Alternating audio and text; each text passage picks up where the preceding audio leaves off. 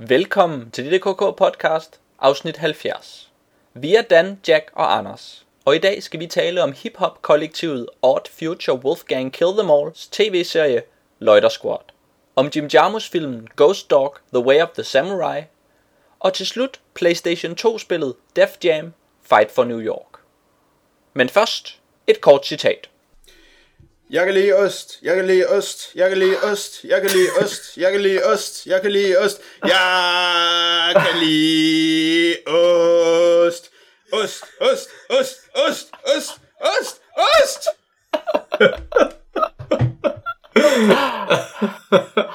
Hold kæft, det var en god melodi. Det Jamen, man jeg sige. tænkte lige præcis i dag, ville det være en rigtig god idé at give lytterne en lille smagsprøve på mit flow. ja, det må man sige. Der var noget, noget badass styling der. Du er en ren flavor flav, eller hvad det man siger det navn. Ja, Uh, det var hip-hop. det var sgu real hip-hop, det der. Jeg vil ikke gå så langt at sige, at det var real hip-hop, det der. ja, der må, vi, øh, der må vi være enige om at være uenige så. Um, men hip-hop, nonetheless. Uh, new school hip-hop måske. Måske bare uh, wrong school hip-hop. det finder vi ud af senere, når vi skal tale om dagens første, I har gættet det, hip-hop emne. Uh, nemlig sketch-showet Loiter Squad af dem, vi bare, man vist bare kun kalder Odd Future nogle dage. Vi kommer nok til at kalde dem lidt mere. Muligvis. bare fordi det er sjovt. Efterfølgende skal vi tale om øh, det hiphop, der er i spillefilmen af ikke særlig hiphop-agtige Jim Jarmusch. Øh, I filmen Ghost Dog, Way of the Samurai. Måske endda The Way of the Samurai. Og så slutter vi af med at tale om et computerspil, som har en del hip-hop i sig, øh, og hedder noget så hip-hoppet, som Def Jam, og så efterfølgende titel Fight for New York. Så det glæder vi os meget til at, at tale om. Det er måske, vi optager lidt senere end normalt, og vi har haft lidt mere travlt end normalt, så vi kan ikke helt garantere for, hvor langt det her afsnit bliver. Det må vi se. Ja, Men I, I er fyldt med hip-hop, flow. flow, Purple pop. and Purple juice, flexmaster. Godt, Dan, hvad har du lavet ud over hiphop til i dag? Jeg har, øh, jeg har læst en tegneserie, der hedder The Massive, og det kan man måske næsten tro, der er et eller andet fedt rappernavn, men det er det faktisk ikke. Det er en, øhm, det er navnet på et skib, som er væk i den her tegneserie, skrevet af en gut, der hedder Brian Wood, som jeg har talt om en, en del gange tidligere også, tror jeg. Og øhm, den foregår i en verden, hvor der er sket en masse sådan nogle naturkatastrofer, øh, hvor øh, ja, der er en masse ting, der er under vand, og ja, forfærdelige ting, der har påvirket økonomien, så der øh, ja, regering og så videre er væltet og alt muligt. Og så er der så de her, den her lille, Øh, den her lille Greenpeace-aktive flåde, som øhm, består af hele to skibe, The Massive og The Capital. Øh, det er med K, så det tror jeg, man udtaler det på den måde. Og, og øh, så er der så sket sådan en stor øh, event, der hedder The Crash, som der ligesom startede alle de her natur, den her række af naturkatastrofer. Og øhm, The Massive, det, det store skib, uh, The Massive, det er så blevet væk fra The Capital, hvor vi har vores hovedpersoner, blandt andet Cal Israel, som han så, så også hip-hop-agtigt hedder. Ej, nu tænker jeg bare hip-hop ind i alt. Men altså... men altså... Men altså kaptajnen på det skib, han hedder Cal, og øh, ham og hans skib, de er så på, øh, på jagt efter det her øh, andet skib, det her nærmest det savnomspundne skib, The Massive, og så navigerer de så rundt i den her øh, lidt anderledes post-apokalyptiske verden. Det lyder som en tegneserie, hvor alle ting hedder noget, der fylder godt i munden. Ja, der er, der er rigtig mange ting, der hedder noget fedt, og øh, det, den, altså den, gør så også, den giver så meget tid til at forklare alle de fede ting, der hedder ting, men der sker ikke så meget i den. Øhm, men det, jeg tror ikke nødvendigvis, det er en dårlig ting. Jeg er ikke, jeg er ikke sådan færdig endnu, men jeg er sådan halvvejs i den, tror jeg. Og det, jeg ved ikke, det er sådan behageligt at læse på sådan en, ja, på sådan en mærkelig måde, fordi at det, øhm, det er tydeligt, at, at der er lagt meget tanke i det. Og så, jeg ved ikke, om der så, der så sker en vild handling senere, eller hvad man ligesom, ja, for der ligesom kommer til at ske, men der, øhm, der, de, de, den giver så god tid til, til detaljerne, og den er også øh, meget flot illustreret indtil videre, så øh, det er som om, det passer egentlig ret godt sammen, men hvis den bliver ved med at holde det her tempo, så bliver den måske lidt, lidt lang i spyttet. Det er som om, at Brian Wood godt, han nogle gange bliver lidt lang i spyttet, når han har masser af tid til at lave ting på, mm. synes jeg. Var DMC ja. ikke også lidt lang til tider? Og sådan Jo. meget tænkt? Det tror jeg, det er rigtigt. Men det lyder som en, øh, en lidet metaforisk kapitalismekritik, det hele, Dan. Ja, det tror jeg måske også, det er. Fedt, mand. Sådan skal det være. Men det er selvfølgelig lidt kedeligt, hvis der ikke sker noget. Hvad var tegnet den? Øhm, den første del er tegnet af en gut, der hedder Christian Donaldson. Og øh, ham synes jeg ikke lige, jeg har stødt på før, men, men det er faktisk ret, øh, det er ret flot faktisk. Det stoler jeg ikke på. Hvis det ikke er nogen, jeg har hørt om før. Så kan de jo muligt være gode. Det er en god kritik. Jack, hvad har du lavet? Jeg har været til CPH Pix. Nå ja, Ja, yeah. hvorfor spørger jeg? Du har set et vildt mange film. Ah, jeg har kun set 10. Sygt mange film. Ja, jeg har kun set 10, som var til CPH Pix. Skal jeg fortælle jer om dem? Ja, tak. Ja, ved du ikke. Øhm, jo, det vil jeg gerne. Så tager jeg dem bare lige den rækkefølge, som jeg har set dem, fordi ellers så går det galt. Den første film, jeg så, det var War Witch, som øh, handler om børnesoldater og kongolo- kongolesisk guitarpop. Og den var virkelig god, selvom jeg til at begynde med var sådan rimelig sur på den, fordi jeg havde på fornemmelsen, at den ikke ville være øh, trøstesløs og dyster nok til at tilfredsstille mit grænseløse behov for dysterhed. Men den var faktisk, øh, den var faktisk virkelig godt velafbalanceret og havde nogle rigtig gode skift, som gjorde, at øh, jeg var helt overbevist til sidst. Og synes, at den havde rigtig meget tyngde og var faktisk en virkelig god film. Så så jeg Augustine, som var noget fransk plader, som var rimelig kedeligt. Så så jeg Antiviral, som var Brandon Cronenbergs. Det var hans første film, ikke også? Ja, det var det. Godt nok. Smart, at, smart at ens første film starter med A. Det kan jeg godt lide. Så er der styr på det. Ja. Den var sådan rimelig god. Den virkede meget inspireret af Cronenberg. Og handlede om et meget Burroughs koncept, hvor folk var blevet så vilde med berømtheder, at de også ville have berømtheders sygdomme. Og så er vores hovedperson en af dem, der arbejder med at administrere de sygdomme. Og det, den var ret god, og hovedpersonen var en rimelig sej skuespiller, der så ret mærkelig ud. Og det kan jeg godt lide. Den var også sådan lidt, øh, lidt lang og lidt dvælende til tider, på en måde, der ikke helt fungerede. Men meget, øh, meget flot og gennemarbejdet. Ja, den var, den, var, den var god nok. Det lyder faktisk også, øh, nu hvor du siger det, lidt Dune-inspireret. Med den der Harkonnen-race, som samler på hudsygdomme. Jeg ved ikke noget om det, men det lyder fedt. Nå, okay. Hmm, Det tænkte jeg bare lige på. Ja, Jamen, øh, det kan godt være, at der er nogle referencer der. Muligvis. Hvis han nu er en ung Cro- Cronenberg, nej, jo en ung Cronenberg, så må han vel også være sådan lidt mere nørdet Cronenberg. Ja, Og så har han sikkert læst Dune. Det var bare en teori. Videre. det er en teori. Jeg køber den indtil videre. Så så jeg The Land of Hope, som er en Sion Sono film baseret på en roman, som Sion Sono har skrevet. Og det er verdens kedeligste film. Det er en skam. Så så jeg Penance, som er 4,5 timer lang. og det siger faktisk rimelig godt alt om den, at den er 4,5 timer lang. Den er lidt sådan en, den er lavet til, at den også kan være en tv-serie, så den er praktisk delt ind i kapitler, som egentlig er sådan ret forskellige film. Og så er der en rammefortælling rundt om den, om et mor. Og, øh, og de små historier handler så om de fire, der så, hvem morderen var. Og egentlig så er det meget godt bundet sammen i sidste ende, hvor hver af de fire historier har illustreret et eller andet tema, som er vigtigt i forhold til mordet, og er vigtigt i forhold til moren, som stadig leder efter morderen, moren til det myrdede barn. Mm. Øhm, så der er egentlig ikke sådan, som sådan noget at sætte på håndværket. Den er bare fire og en halv time lang. og så skal man bare eddermame have noget at byde på. Rimelig konstant og overvældende, hvis man skal lave så lang en film. Og det har den bare ikke helt. Så selvom øh, den egentlig var sådan okay intelligent og velfungerende og sådan noget, så kan man ikke anbefale nogen at se den. Fordi den er simpelthen for lang, og det er, det er en uskik at lave så lange mm. film. Ja. Det er nok rigtigt. Så så jeg The ABCs of Death, som øh, jeg allerede nu kan afsløre, har nok har været øh, højdepunktet på festivalen indtil videre. Det var den, hvor det var 26 kortfilm, som alle sammen startede med et bogstav, og som skulle handle om døden. Og der var nogle af de kortfilm, som var virkelig, virkelig gode, og de var alle sammen... Øh, det fede ved sådan nogle kortfilm, der er virkelig korte, det er, at man behøver bare have sådan en idé. Og her havde de endda sådan nogle benspænd, der skulle gøre, at de var, de var begrænset i deres idéer. Øhm, og så kan man bare få en god idé, og så er det ikke sådan så skide vigtigt, hvordan man egentlig kan udføre den idé. Og så får man nye idéer hele tiden, og det, det, det var jeg vild med, den idérigdom. Og så var der som sagt nogle af filmene, som var virkelig vellykkede. Af de instruktører, jeg kendte på forhånd, der var jeg nok mest overrasket over ham. Uh, Serbian Film, instruktørens film, fordi øh, ham havde jeg regnet med, at ville være rimelig barnlig og dum, men han lavede faktisk noget på et, øh, et ret højt abstraktionsniveau med øh, noget sådan rimelig god visuel poesi og ting og sager, som virkede, øh, det virkede som om han lige var blevet 30 år ældre, siden han havde lavet Serbian film. Sejt. Så det var ret fedt. Øhm, og så sad jeg ved siden af en i biografen, som synes at det værste i alle filmene, det var ikke sådan, øh, måske den bedste håndgennemskæring, jeg har set i en film faktisk, som øh, alle filmene faktisk starter med i den allerførste film.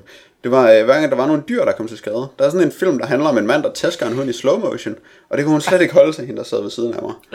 Og så var jeg der øh, på et tidspunkt en sex fetish, hvor der er en, der træder på sådan nogle kattekillinger på video, og det kunne hun slet ikke holde til. Men sådan alt det der øh, vold, der gik ud over mennesker, det var, det var fint nok. Ja. Men hvis det var dyr, det gik ud over, så var det bare frygteligt. Og det synes jeg var rimelig irriterende. det lyder lidt sjovt. Ja, jeg kan ikke lide hende. så sagde jeg Chained bagefter, som jeg synes, øh, det var en, en meget, meget straight gyserfilm på en eller anden måde, om en seriemor, der kidnapper en mor og hendes lille dreng, og så dræber han moren, og så holder han en lille dreng som fanget, og så vokser op der. Og det er et rigtig godt setup, øhm, som blev til en, sådan en virkelig banal og kedelig film, som meget af tiden blev båret af at Vincent D'Onofrio, han spillede virkelig godt i den, som øh, seriemorderen, så det var meget fedt. Men filmen øh, er rigtig amatøragtig, og der er sådan nogle øh, hjemmevideokameraer, han har sat op, og så hver gang man skal se, hvad de har filmet, så ligger kameraerne sådan skævt, så det er svært at lægge de fleste kameraer skævt. Men det har han gjort med alle hjemmekameraerne, og så er der sådan rigtig grimt interlace filter på, og et stort recording i hjørnet. og det var, det var rigtig plat. Og de havde en rigtig grim skrifttype til deres titelsekvens. Og så tænkte jeg, at det virkede virkelig som sådan en, en første film efter filmskolen, som han havde lavet, hvor de var sådan nogle nybegyndere. Men så hørte jeg i Filmland, at det faktisk er øh, David Lynch datter, Jennifer Lynch, der har instrueret den, at hun har lavet film siden 94, og så fatter jeg ikke, hvordan man kan være så dårlig til det. Var det ikke hende, der lavede... Øh... Nej, det var noget andet. Men det var ikke sådan en rigtig film, hun lavede i starten, tror jeg. Det var lidt sådan noget åndssvagt dokumentar, så vidt jeg husker. Nej, det var det ikke. Nå. Den første fin film, hun laver, jeg tror, den hedder Boxing Jennifer eller sådan noget. Han om sådan en fyr, der skal armene af benene af sin kæreste. Oh, ja. Han er egentlig, skal, Ja, er and Fenn fra Twin Peaks. det må man nok sige. Nå, men det, så det gjorde den øh, endnu mere skuffende. Det gjorde den dårligere. At hun burde vide bedre, synes mm-hmm. jeg. Nå, så, øh, så, så Doomsday Book, som var tre længere kortfilm, som handlede om tre forskellige måder, verden gik under på. Og de var sådan rimelig sådan stildyrkende og humoristiske, de to af dem, og så var der den i midten, hvor jeg sov det meste af tiden. Men det kan være, at Dan kan sige noget om den. Ah, men helt ærligt. det er sådan Okay, en, det er vist, øh, det er det sådan det en, vist meget godt. bare, lige, bare lige kort for lige at påpege, at, at den var virkelig, virkelig tung og kedelig, og slet ikke passede ind i de to andre. En, en robot i et buddhisttempel, som buddhisterne mener, der måske er, er den nye Buddha, og så diskuterer den helt vildt længe med alle, om den er det. Og så, det, så besejrer den ligesom sin egen pointe, men så er det som om, at alle er enige om, at den måske var Buddha alligevel. Så det var meget, meget irriterende. Ja, jeg vågnede lige der, hvor øh, ham, sådan lidt hovedpersonen, hvor man finder ud af, at han i virkeligheden selv er en robot, og så tager han sådan sin chip og sætter den over i sådan en lille øh, legetøjs hunderobot, og så er det fedt, fordi så bliver han genfødt som hund.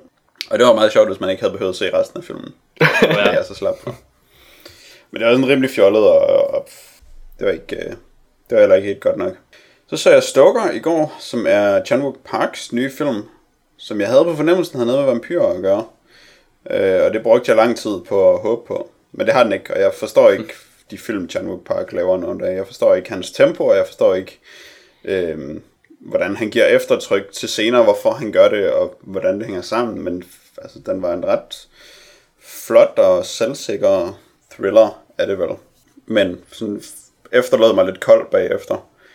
Øh, den gør ikke det store indtryk, desværre. Hvad med musikken i den? Den er jeg spændt på at høre om.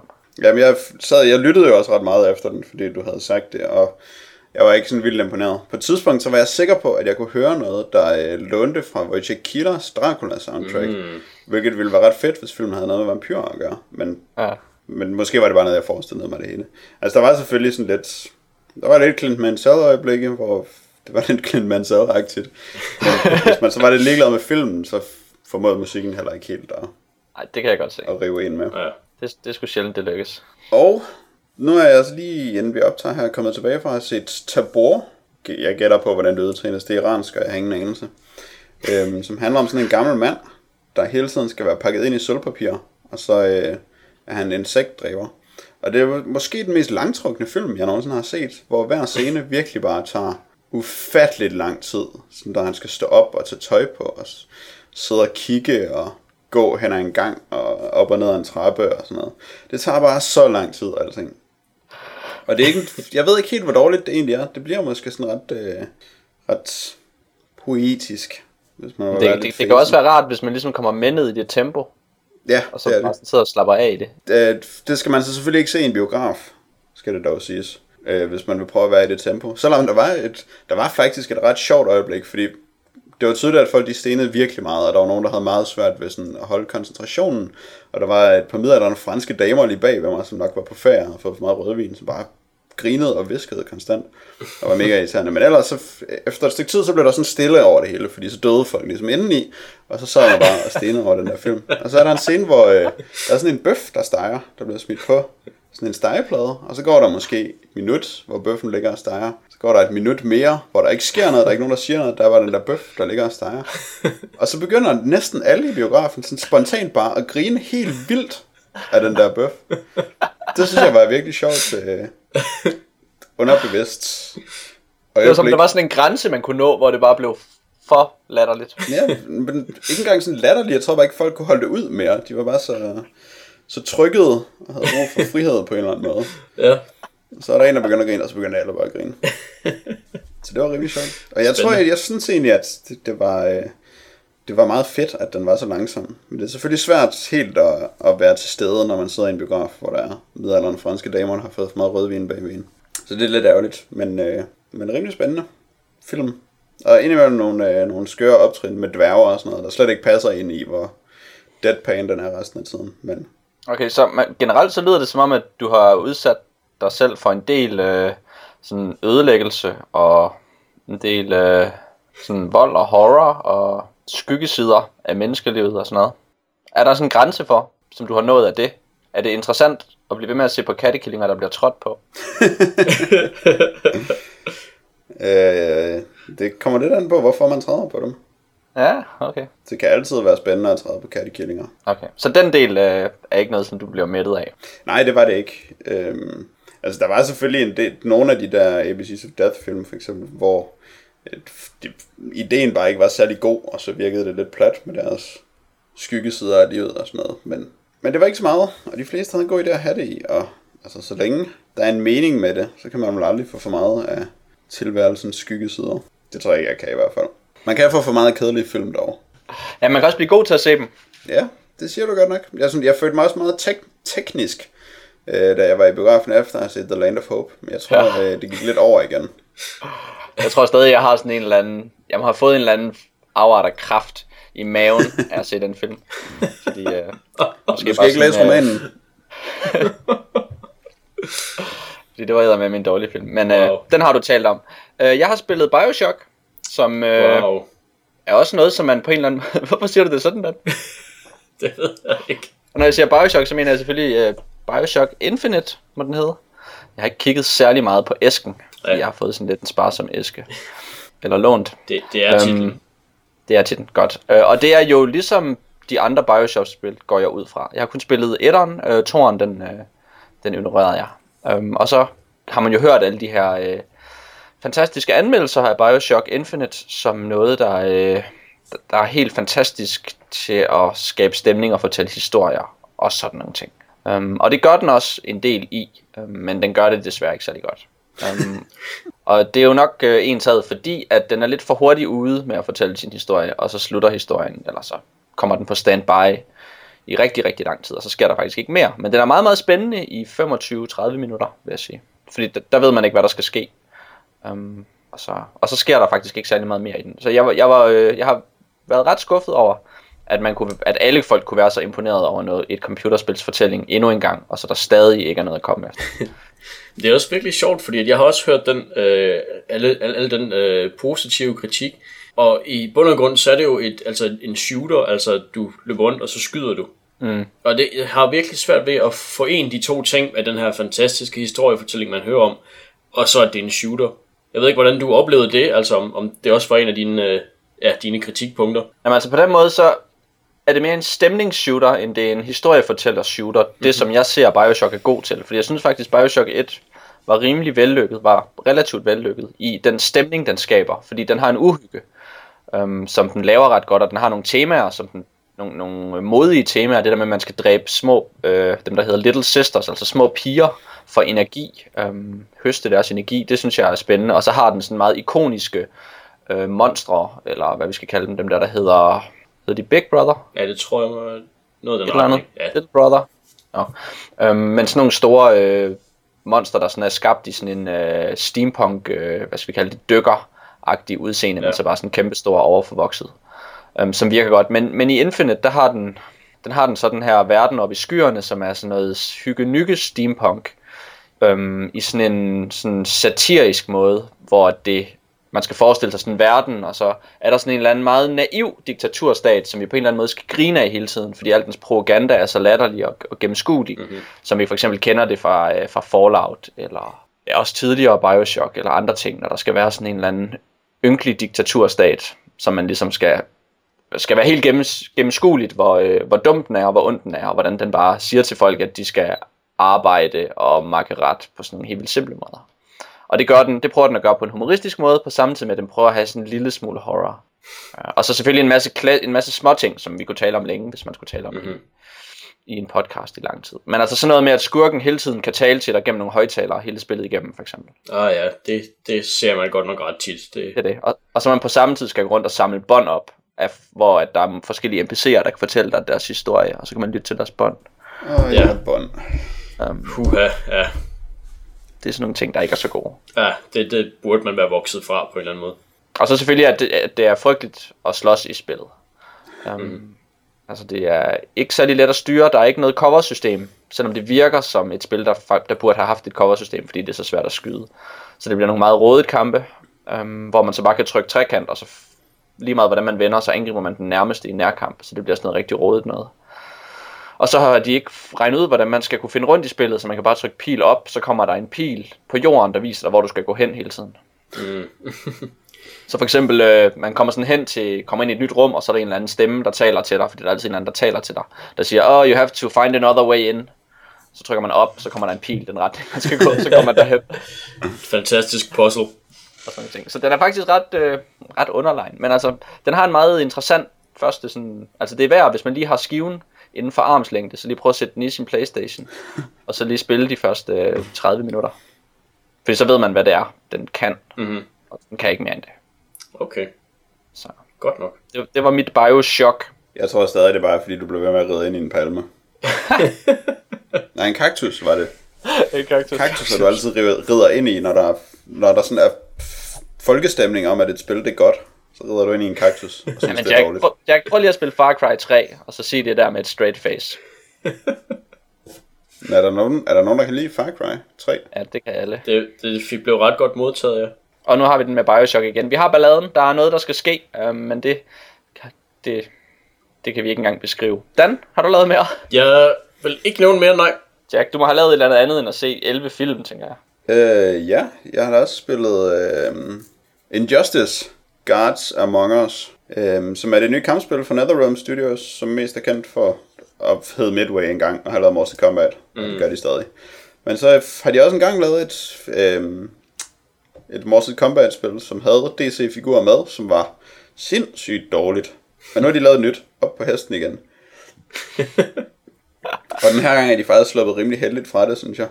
Jeg kan rigtig godt lide, at når NetherRealm Studios de laver et kampspil, så er de ikke sådan særlig interesseret i øh, alt det her afbalancering og øh, de meget fine detaljer og meget kompliceret timing og sådan nogle ting, som øh, gør et spil som Street Fighter 4 for eksempel til et virkelig fantastisk spil, men også øh, et meget kompliceret spil. Et spil, som man kan konkurrere i. Det kan man ikke rigtig i NetherRealm Studios spil, men til gengæld så er de fuldstændig vilde med trailer-øjeblikke. Så alt, det skal være sådan en kæmpe eksplosion, eller en bygning, der styrter i grus, eller nogen, der bliver slået igennem en bygning, eller får tæsk med et missil, og sådan nogle ting. Og det er det eneste, som det handler om. Det skal bare være helt vildt hele tiden. Og det synes jeg er ret fantastisk, og det lader jeg mig rive ret meget mere af, da jeg spillede det. Selvom det selvfølgelig er fuldstændig stupidt. De har en, øh, hvilket jeg faktisk meget godt kan lide. De har en singleplayer-del, som er en story mode, som ikke bare øh, er test 10 fyre, og så får du øh, sådan fire skærme med noget tekst på, om hvad der sker med din mand bagefter. Mm. Men hvor de... Øh, hvor det er ligesom sådan et rigtigt computerspil nu om dagen, hvor der mellem slåskampene er masser af animerede mellemsekvenser med slåskampe, og så kommer der en slåskamp mere, og så indimellem, så kommer der et quicktime event, fordi det skal computerspil have nogle dage. øh, og det, det er virkelig dumt og virkelig plat, og øh, alle, altså under Aquaman har et goatee, behøver man næsten sige mere om, hvor dumt historien er. Men de er, bare, de, de er virkelig begejstrede for det her, og alt det her ballade og halløj, der skal være hele tiden. Og det kan jeg ret godt lide. Det, det forelskede jeg mig lidt i, mens jeg spillede det. Så jeg synes faktisk, det er virkelig sjovt. Ja, det så også spændende ud fra sidelinjen. Men øh, man kan ikke stå på sidelinjen for længe, Dan, så bliver man smidt væk. Det gør man. Må ikke stå der og bare ikke lave noget, eller hvad det nu hedder på engelsk. Ja, sådan noget loitering, det må man nemlig ja. ikke. Men det må det show, der hedder Loiter Squad, um, som, som vi har set til i dag, det er et, øh, ja, et sketch- og prank-agtigt show på, øh, på en 12 minutters, øh, 12 minutters penge per, per episode.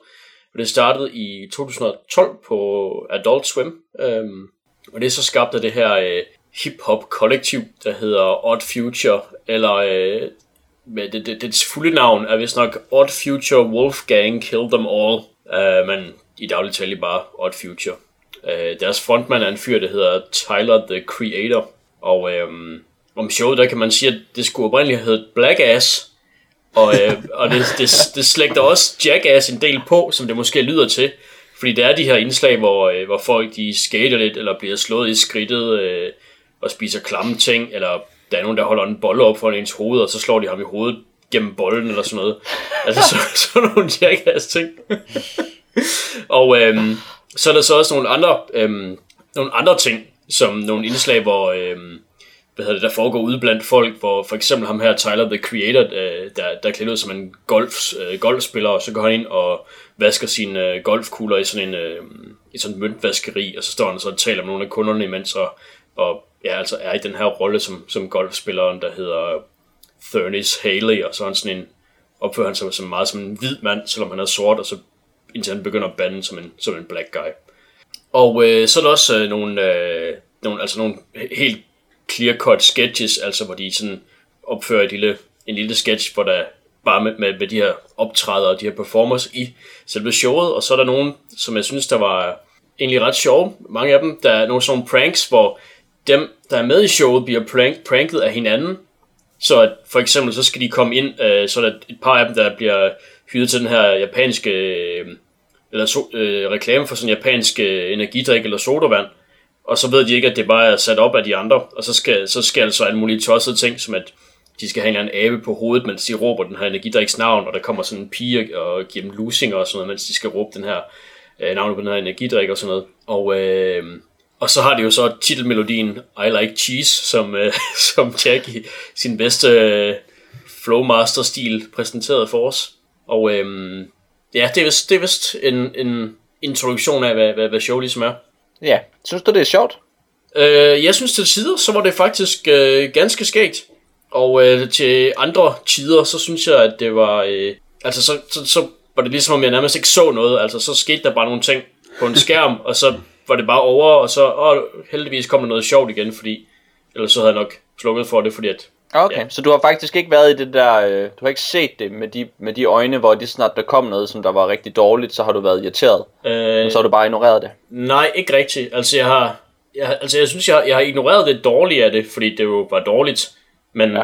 altså i og med, at jeg synes, at der var nogle, nogle sjove elementer, så kunne jeg godt se igennem fingre med det dårlige sådan til, til en vis grænse. Ja, men jeg tror også, øh, ja, det kan vi måske lige tale om senere, fordi det er måske noget, du lægger op til. Men jeg er spændt på, hvad du synes om det, Jack. Hvorfor er du det? Fordi jeg har ingen anelse om det. Øhm... Jeg havde heller ingen anelse om, hvad Dan ville synes om det. Jeg troede faktisk, du ville have det, Dan. Ja, det kunne man godt tro. Ja. Øhm, jamen, jeg tror, jeg havde det meget ligesom Dan, faktisk. Jeg synes, det var rigtig sjovt indimellem, og det var så, øh, det var så lidt på en eller anden måde, det hele. At når der var noget, der var dårligt, så lagde man ikke rigtig mærke til det, og alting var så hurtigt overstået. Og, og der var sådan, det var meget behageligt at se nogen hygge sig på den måde, som de gør. Så det er sådan, selv når de laver et eller andet, som er åndssvagt og irriterende, så, så virker det som om, de hygger sig. Og så, at, så, har man, så er man i meget godt selskab på en eller anden måde. Så jeg synes, det er svært for alvor at have noget af det. Øh, og så nogle gange så er de virkelig sjove. Ikke særligt tit, men indimellem, så lykkes ja. det. Og resten af tiden, så er de bare så begejstrede og hygger sig så meget, at det alligevel er lidt rart at se det. De har virkelig en glæde for, at, hvad de laver, altså. Det synes jeg, man kan mærke, det skinner igennem. Er det mere sådan, at man ligesom kommer indenfor i deres øh, lille mærkelige kreds, eller deres sådan, specielle kultur, Mm. som de har? Um, fordi det er jo sådan et eller andet, de vel på en eller anden måde har bygget op, en eller anden aura omkring det her Wolfgang, som noget specielt, hvor man kan gøre nogle ting. Der er nogle forskellige symboler, som har en, en, en særlig værdi i deres univers. Um, der er sådan noget med kattehoveder, der hele tiden dukker op, for eksempel. Ja, De råber hele tiden abracadabra. Jeg synes, det er meget sjovt, øh, deres gesamt kunstværk, hvor, det sådan både, hvor man egentlig troede, at de var et hiphop-kollektiv, men de var sådan mere, det var meget mere totalt kunstagtigt, mm-hmm. hvor de nu også skal bruge deres liv i det og udgive bøger og sådan noget, på en mærkelig, en mærkelig kaotisk måde, og med sådan en særlig æstetik, den der skrifttype, som de bruger til alle deres ting, også deres ufatteligt grimme hjemmesider. ja. Det er rigtigt. Dem har jeg altid lidt været glad for, sådan nogle. Ja, dem har jeg aldrig været glad for. det har altid gået mig på nerverne, den del af deres... Eller måske det hele så deres æstetik, synes jeg er lidt irriterende. Ja, Jeg altså den, rigtig... den er lidt insisterende, ligesom deres titelmelodi måske. Ja, jeg vil beskrive den som MySpace-agtig. Ja, det kan man nok godt sige. Det kan godt lide for eksempel en helt skrigende pink baggrund med et eller andet rimelig grimt udklippet, sådan fotokopieret ja. æstetik ansigt, der er lagt ind over med hul i øjnene og så et eller andet, der lyser ud eller sådan For noget. eksempel, ja. Og det er, øhm, altså den del af det, synes jeg ikke, det er så interessant. Men altså, men altså, jeg vil godt prøve at sætte det her lidt mere på spidsen, fordi hvis det bare sådan er noget, altså, er, er det så ligegyldigt, eller hvad? Fordi vi kan ikke bare sige, at det sådan er lidt ok og hyggeligt, og, og så er der noget af det, der er sjovt, og noget af det, der er kedeligt. Så må vi, øh, så hvis jeg siger, det er fandme ikke godt nok, så må I sige noget, så må I sige noget mere. Jamen, pro- problemet er jo, at hipsterne, de har kastreret Odd Future næsten før vi nåede at opdage dem. Så de er jo ikke noget længere.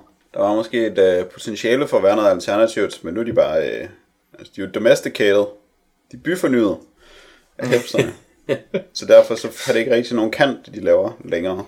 Hvor meget de end insisterer på det. Men det vil, der vil jeg jo så godt sige, at der er ikke noget af det, de laver, der har nogen kant i det her. Nej, nemlig. Altså, de står jo og... Altså, en sketch med ham der golffyren, for eksempel, det kunne være, at han står, og så, øh, skal han, så er det tydeligt, at man kan se, at Tyler er blevet sat til at improvisere en historie, som skal være sjov. Ja. Og så begynder han at fortælle om, at første gang han havde sex, var inde i en tørretumbler. Ja. Som om det skulle være en god vits. Og så kan han godt se, at den her vits er ikke god nok, og så skynder han sig at sige, og jeg var kun fem år, som om at det skal gøre vitsen god. Ja, Jamen, det, det, det er rigtigt nok, det er, ikke, det er ikke altid, det virker. Men Og der, der kunne man jo godt sige, at hold kæft mand, hvor er det noget åndssvagt fis, at jeg skal høre på ham improvisere så kedelig en historie. Det, det er rigtigt, men altså, jeg, jeg tænker lige ham golfspilleren. Ham synes jeg faktisk er ret sjov. Og jeg har det som om, at det er en eller anden form for en, en parodi på en vis, altså, på, altså det, det er noget af det videste, man kan foretage sig, det er at spille golf, ikke? Mm. Og så er det sådan ligesom en, en parodi på også de vitser, som sådan en fortæller. Og det synes jeg, at det, der gav den karakter en slags dimension, som der gjorde, at, at jeg havde det ret sjovt i hans, i hans selskab, Thurnis Haley, som han kalder sig, ja. som også er en virkelig white guy navn. Og så har han de her samtaler med, med folk, nogle gange, jeg tror det er alle, alle mulige raser egentlig, men den jeg husker bedst er sådan en, øh, altså en asiat, han taler med, inde i hvad jeg tror det er en golfforretning. Det ligner bare sådan en kontor, hvor de har golfting inde, så jeg er ikke helt sikker. Men mm. der taler han så om, at der er nogle, der er nogle lyserøde golfbolde, der åbenbart minder ham om diarré. Jeg ved ikke helt hvorfor. Og, og så, så spørger han bare sådan ret casual, sådan en gut, der sidder ved sådan, sådan en skrivebord, om han nogensinde har haft diarré. Og så ham der gutten, han svarer så, my friend does. og det er bare det særeste svar, man kan komme med. altså, og, og det, det, altså, og så, så kører han ligesom videre med den, og øh, jeg ved ikke, hvordan han kan det, men så kan han så holde masken, og så kan han så sige til ham der gutten, der, der så bare sælger sin ven ud for hårdt. Han så siger øh, øh, Tyler der, don't lie to me, you've had diarrhea before. og og det, det må han jo til sidst indrømme, at det har han. og og det, det er en, en øhm, når de kommer ud i de der helt skæve, helt surrealistiske situationer, så synes jeg, så, så er der noget. Så synes jeg, der er noget der, der, øhm, der er virkelig skægt. Ja, men... er dem, hvor de kommer i konfrontationer med andre mennesker. Der har det lidt der får det nemlig lidt kant på den der måde, øh, som vi var lige ved at komme til at tale om. Der er også den der, øh, hvor de går rundt med sådan nogle tankebobler, og så har de en, hvor der står, øh, I hate frogs, som man kan holde hen over hovedet på folk, og så er det som om, de tænker, at de hader frøer, og så er der en frø ved siden af, og så er der sådan en mærkelig hippie-dame, som øh, afkræver dem en forklaring på, hvad det her handler om. Og det får hun selvfølgelig ikke. De giver så bare sådan til at øh, prøvle, og hun bliver ved med at spørge, hvad der, er, der foregår her, indtil de sådan bare tager tøjet af og begynder at danse. Og det bliver meget mærkeligt. Men det er stadigvæk, det virker som, der er lidt mere på spil. Men et øjeblik, hvor jeg faktisk synes, at det her program, det havde kant, det er deres øh, bogsignering, hvor øh, de går helt amok over, at der dukker to sorte mennesker op på et tidspunkt til den her bogsignering, som de jo afholder med deres bog, øh, med deres, det ved jeg ikke, hip-hop, kunst eller sådan noget. Og så kommer der bare kun hvide mennesker til deres bogsignering. Det synes jeg var rimelig... Øh, der havde de fat i at diskutere sig selv på et lidt bedre metaplan, Mm. end de har resten af tiden. Og der var det lidt, øh, der var det lidt interessant. Men der er jo også en masse racisme, eller i hvert fald race, øhm, emner, der hele tiden bliver omtalt på en eller anden måde. Jeg ved ikke, om det er noget, der bare ligger i al hiphop på en eller anden måde. At man skal tale om storbykultur og race. Det finder vi ud af i dag med vores hip-hop-tema. Det må man Det sige. gør vi jo. Det, eller, jeg er i hvert fald ret sikker på, at vi på en man kan selvfølgelig få alt til at handle om racisme hele tiden. Men jeg, jeg, jeg synes i hvert fald, at Lloyder Squad bruger meget tid på det. Og det ligger selvfølgelig også i, at de ville have kaldt det for Black Ass. Mm. Som, som jo bare var, man kan sige, altså Black Jackass. Ja. Øhm, så kan man undre sig over, hvor de The Black Guys var i Jackass. Ja, det er Det rigtigt. kunne man undre sig over. Og der er, altså, der er nogle, altså, ja, de har jo en eller anden bevidsthed om, at de er sorte, ikke? Altså, så, selvfølgelig har man det, men altså også på sådan en lidt større måde, synes jeg nogle gange, hvor man, øhm, de har i, i sæson 2, så har de sådan en, øh, en figur, der hedder Catchphrase Jones, som så hver eneste ting, han siger, det er sådan en catchphrase, og det er sådan meget øh, parodi på de der Black Exploitation 70'er film, hvor der er sådan nogle øh, jive turkeys, der går groovy på gaden med deres sisters og deres mamas, ikke? Altså, så er det så fuldstændig lige meget, hvad ham her Catchphrase Jones, han ligesom siger, men så sådan, lige efter han har sagt det, så dukker det op i sådan nogle funky 70'er bogstaver på skærmen, og så er det bare sejt, fordi han sagde det. Der er på sådan et tidspunkt, hvor han, han tæsker en eller anden fyr, og så siger han bare, someone put a fork in him, because he's pasta. Og så, og så dukker det bare op på skærmen i de her bogstaver, og så, så, er det bare, altså, så er det bare en catchphrase, og så er han bare Catchphrase Jones, altså. Og det, det synes jeg, Men der er det særlig racerelateret? Er det ikke mere en, en øh, mediereference i forhold til Black Exploitation film, som du siger? Jo, altså, jeg, mit indtryk, altså i og med, at det, at det er, hvad hedder det, genren Black Exploitation, så tænker jeg, at så, så har det, altså det spiller ind på rasen, ikke? Så, så Men Jeg synes, jeg synes bare, at- at de har mange sådan meget mere åbenlyse eksempler, som for eksempel det der Popo politiprogram ja. om sorte politibetjente. det, det er rigtigt, det er måske et bedre, øh, ja, det er måske bedre at tage fat i det. Og det fører mig lidt hen til pointen med, at det er ikke sådan særlig interessant, når de bare sådan selv diskuterer det og påpeger, at de er sorte, og at racisme findes. Fordi det, er nem- den kommer jo ikke længere end det. Um, det samme med deres uh, Band-Aid sketch, altså med plaster, hvor man kan sige, generelt så har plaster jo bare den der sådan lidt blege mm-hmm. uh, hud, um, den blege hudfarve, den pink farve.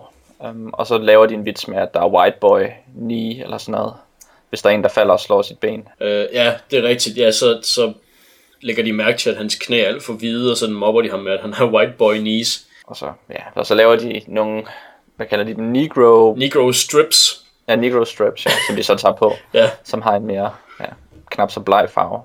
det er det. Som jo, ja, tangerer lige præcis det, som Jack kan tale om. Det er rigtigt. Det er, det er selvfølgelig kun for deres egen, ja, inden for deres egne rammer med hinanden, de diskuterer det. Men det var alligevel nok til at, hvad kan man sige, at få mig til at tænke på den der plasterfarve, som jeg jo altid har tænkt på, som eller mindre hudfarvet, ikke? Mm. At for nogen så den så ikke særlig hudfarvet. Det var det. Så er det White Boy Knee. Ja, så er det white boy knees. Så er det det. Ja. Altså jeg kunne ikke lade være med at sidde, og når jeg ser noget, som er reality-agtigt øhm, på den her måde, eller i hvert fald filmet sådan ude i offentligheden, med sådan et, vi skal forestille os skjult kamera, så kan jeg ikke lade være med hele tiden at sidde og tænke over, hvordan produktionsomstændighederne er på alt. Mhm. Um, og der er jo der er jo den omstændighed, at alle folk, som deltager i programmet, uden at deres ansigt bliver sløret, de har jo selvfølgelig skrevet under på, at de vil deltage Mm-hmm. i programmet. Og mange af dem er, er blevet spurgt inden, om de, vil, om de vil komme hen og deltage. Um, og der er sådan en... Altså meget af det, som vi ser, er sat op på en måde, som vi ikke er klar over. Og meget af det er sikkert også taget flere gange. Um, på samme måde med, at mange af deres reaktioner også er overspillet. Og det ikke er realistisk. De slår sig ikke så meget, som de siger. Eller de synes ikke, ting er så ulækre, som giver udtryk for. Um, og det synes jeg tit, man lige sådan kan fornemme i krogene på, hvad der foregår. At for eksempel der, hvor de skal drikke uh, svinetårsaft, altså sådan nogle svinetær, mm. der ligger i sådan et et, øh, et stort glas med noget. Og så kan man se, hvordan at, at de drikker det her, og de begynder sådan, og nogle af dem begynder at kaste lidt op, og man kan se, hvordan Tyler han sådan prøver bare på at kaste op helt vildt meget. Um, og så står han bare sådan og spytter lidt, og sådan gør sig til. Og der er sådan alle, alle, alle, alle de her scener her, så, så er det så meget fedt, at de så panorerer over på en af, um, en af kameramændene, som der pludselig begynder at brække sig på sådan en meget mere troværdig, sådan, okay, sådan der ser det ud, når man yeah. lige pludselig brækker sig, ikke? Altså, det er jo også en rimelig ligegyldig sketch. Jeg kan ikke, jeg, måske er jeg egentlig, altså på bunden er jeg jo rimelig ligeglad med, om de kaster rigtigt op, når de lader som de drikker, eller når de drikker grisetårsaft, eller ej. Og, altså, det er ikke det, der skal komme i vejen for, om jeg synes, det er underholdende eller ej. Men der er bare det, det her niveau her af, at det selvfølgelig, det foregiver at være det, det mest originale, øhm, det mest øhm, sådan rå, det mest mm. virkelige, som Jackass jo var på det tidspunkt. Specielt med mm. sådan lige for inden Jackass, hvor der var Can't Kill Yourself, som jo bare var hjemmevideo af folk, der kom til skade. Ikke? Yeah. Um, og hvor det var one take, og der ikke var en producer på sådan rigtigt. Det var der så, men ikke sådan så meget. um, og, og så kan man sige, så er det langsomt blevet mere og mere udvandet og mere og mere staged. Um, og så til sidst så er jeg, er jeg bare i tvivl om, om det overhovedet giver nogen mening yeah. at se på noget, som fordi jeg er så skeptisk overfor alt, hvad der sker i et program som Løjder Squad. Fordi at, ja. at alle dem, som er med på gaden, de har sagt, ja, jeg vil gerne være med i jeres tv-program, som hedder Løjder Squad, og jeg skriver lige under her. Og så bliver der godt grin med dem bagefter. Ja, jeg, jeg kan sagtens følge dig.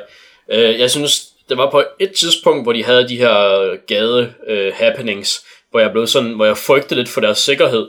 Og det var, hvor de tog sådan noget, øh, det her nørdtøj, det her meget korrekte tøj på, og så stiller sig op med de her folk, der, jamen, der venter på at komme til at arbejde på sådan en lastbil, der ligesom kører forbi på et gadehjørne, ikke? Og så er der så sådan en, sådan en, uh, en latino-gut, der er sådan stor og stærkere tatoveret, der så begynder at råbe, råbe af dem, om de, om de ligesom, altså hvorfor, hvorfor disser de hans, uh, hans crew eller et eller andet. Og han så virkelig så sur og ubehagelig ud, at jeg blev sådan blev bange for, at åh oh nej, nu bliver ham der den 17-årige Jasper, eller hvad der han hedder, nu får han bare, øh, nu får han simpelthen revet hovedet af, eller et eller andet. Mm. Men så viser det sig så, at, at det så er øhm, nærmest en prank på ham, Jasper, fordi han ved ikke, at det er en, som de andre har en aftale med, eller de kender ham, eller sådan noget. Og så, øhm, ja, altså så, så endte det heldigvis godt alligevel, men der var lige med ham, han var, han var ubehagelig nok til, at jeg tænkte, åh oh nej, nu sker der noget slemt. Mm. Så du, har, du glemte faktisk, at det var et tv-program, og at hvis der var sket sådan noget, så ville de nok ikke have taget det med i tv-programmet. Ja, det gjorde jeg faktisk lige der, fordi at, ja, ham der fyren, han så, han så slemt nok ud, synes jeg. Men det er fordi rammen jo også skal være så, så rå og uredigeret mm-hmm. og virkelig, at man tænker, at hey, hvad end der sker, hvis der er en eller anden, der fik reddet armen af, så ville de sikkert lige vise det, fordi det skete jo. ja. Jamen det er der nemlig, øh, på den måde, der fungerer det ret godt som reality-tv, fordi det er så... Øh, så groft det hele. Så, og også fordi man jo gerne vil sådan på en eller anden måde købe illusion. Man vil gerne tro, at man indimellem får nogle øjeblikke af noget ægte, mm. selvom man, øh, der er meget af det, der er produceret, og meget af det, der sådan er dumt og fjollet og sådan nogle ting. Så er der sådan nogle øjeblikke, som det du sagde med kameramanden, hvor man alligevel føler, at man får sådan et rigtigt indblik. Øhm, jeg synes også, at det der øjeblik, øh, hvor de går amok over at der kommer nogle sorte mennesker til deres bogsignering, at det var sådan et øjeblik, hvor, hvor der var et eller andet virkelig på spil også for dem, mm-hmm. hvor de ikke bare sådan var med i tv-programmer og spillede deres roller, men hvor der faktisk skete et eller andet. Kan jeg godt lide at forestille mig. Mm. Men på den anden side, det kunne også være en sjov sketch at sige, at vi laver en booksigning, og så kommer der kun white people, og så er det hele staged. Ja, det kunne det. Og jeg, man, men jeg, jeg, øh, altså jeg er villig til at, jeg ved, at sluge kamelerne, hvis det er forkert udtryk at bruge her, men altså, øh, og, øh, og købe nogle af tingene, selvom jeg godt kunne øh, være skeptisk over for dem. Også bare fordi, at det, øh, det ville gøre det til et meget, meget øh, hul, tomt og indholdsløst program at se, hvis jeg hele tiden skulle være i tvivl om, hvad der skete, så hvis jeg aldrig troede på noget af det. Ja. Og det var lidt sådan, jeg havde det. Mm-hmm. Og jeg taber jo ikke noget ved at øh, hoppe på den. Nej, det gør, altså, det gør du ikke. Du, øhm, jeg vil jo gerne være kritisk over for den her form for produktioner, fordi at det ikke skal laves på den måde. Fordi hvis folk de skal lave noget, der er virkeligt, så skal de lave det virkeligt. De skal ikke bare lave noget, som forgiver at være virkeligt. Nej, men de, også, de gør jo også lidt selv grin med den form, ikke? Altså, i og med, at de har på et tidspunkt der er sådan en ret stor fyr, der hedder Lionel, der skal forestille at være sådan en dygtig skater, og så er det så Tony Hawk i en paryk, der så skater i stedet for ham. Og så det, altså det er så tydeligt at se, at det ikke er ham, der skater, og så er det ligesom, at man ser, at Tony Hawk, der taber på ryggen, og så klipper man så til Lionel, der ligger her på ryggen ved siden af sig, og det er, sådan, det er meget tydeligt, at, at det ikke er den samme. Ja, det er klart, men den har jo også, altså den har jo også niveauet med sketch, og så har den niveauet med, ja, hvad kalder vi det? Når de laver de her virkelige stunts her. Ja. Det her stunt show, som man næsten kunne kalde det, eller performance art, som de laver. Og de, og de to ting er jo forskellige, ikke? Altså der er, noget, der, er, der er noget helt tydelig fiktion, og så er der nogle steder, hvor de går hen og siger, at det her det er virkeligt, og så er der nogle ting, som er mellemting. Som er, så det er meget svært at læse, hvad der, hvornår man egentlig er hvor, ikke? Altså for eksempel scenen, scenen hvor de lader, som, hvor de laver sådan en, øh, en, et, et spoof på YouTube-videoer, hvor folk er vildt gode til lige at kaste en basketball bag om ryggen, og så score i, i et kast. Og så laver de sådan noget totalt gakket noget, hvor de bare har, altså hvor de overhovedet ikke rammer, men bare lader som om, at de rammer, og så kaster de heller ikke med, med en basketball, men med forskellige ting og sager, de lige har. Og så lader de som, om de er helt vildt gode til at ramme. Og den sketch slutter så bare af med, at de står og jubler helt vildt over, at de tror, de har scoret, eller at de bare lader som, de har scoret. Og så kaster de et eller andet over på en, øh, en, over mod en dame, der går med en lille barnevogn, hvor der er en, øh, en baby i. Og så ser man så, at den her baby bliver ramt, og den her kvinde begynder at skrige. Øhm, og så er det så ret tydeligt, sådan mm. måden de lige har klippet på, der får man lige lov til at se lidt mere, at, at okay, det var faktisk en dukke, der sad der. Så det var faktisk noget, som var staged.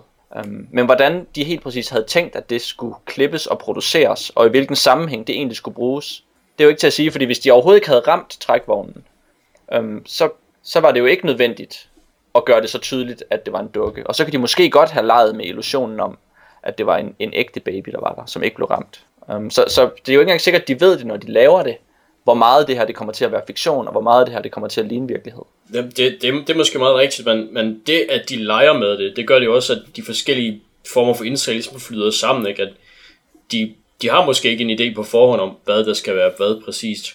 Og så er der den her, altså lidt en sammensmeltning blandt de her forskellige ting, der gør, at, at jeg synes ikke, at, ja, det ved ikke, jeg, altså jeg, jeg, jeg føler mig ikke øhm, specielt pessimistisk, når jeg ser det, fordi der er de her folk, der, altså, jeg behøver ikke at tro på, at det her, det er noget helt vildt ægte.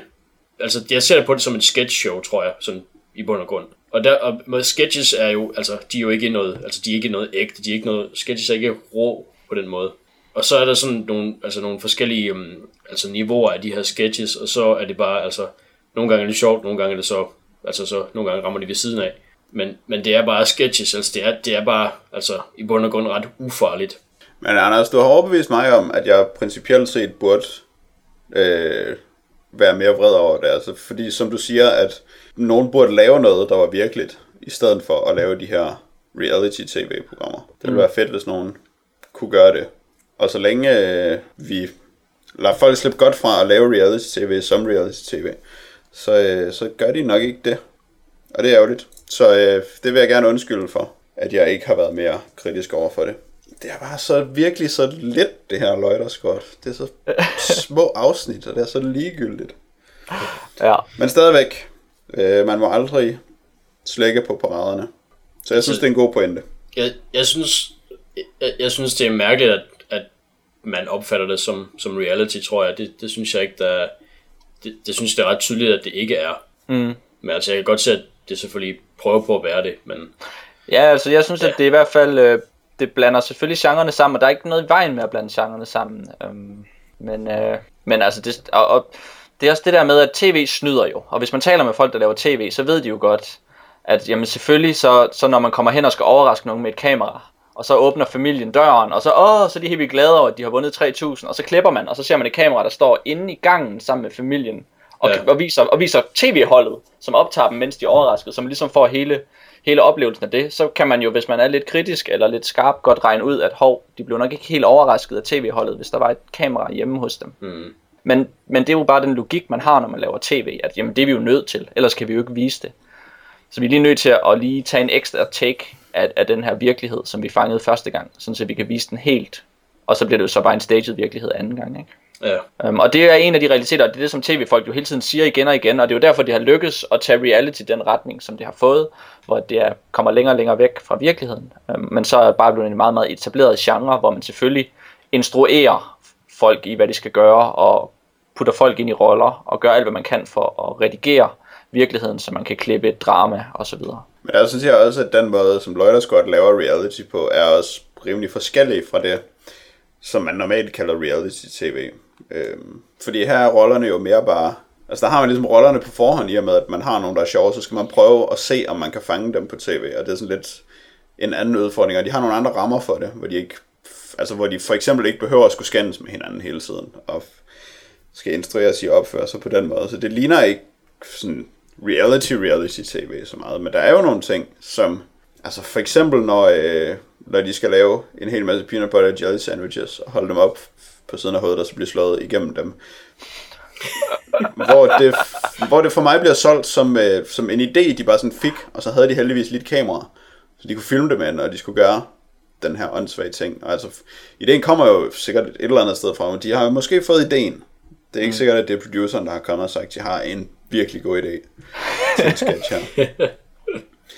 og, og der er det jo, øh, der er det jo reality-agtigt, men, det er jo, men der er selvfølgelig også snydt med det, så snart det er observeret.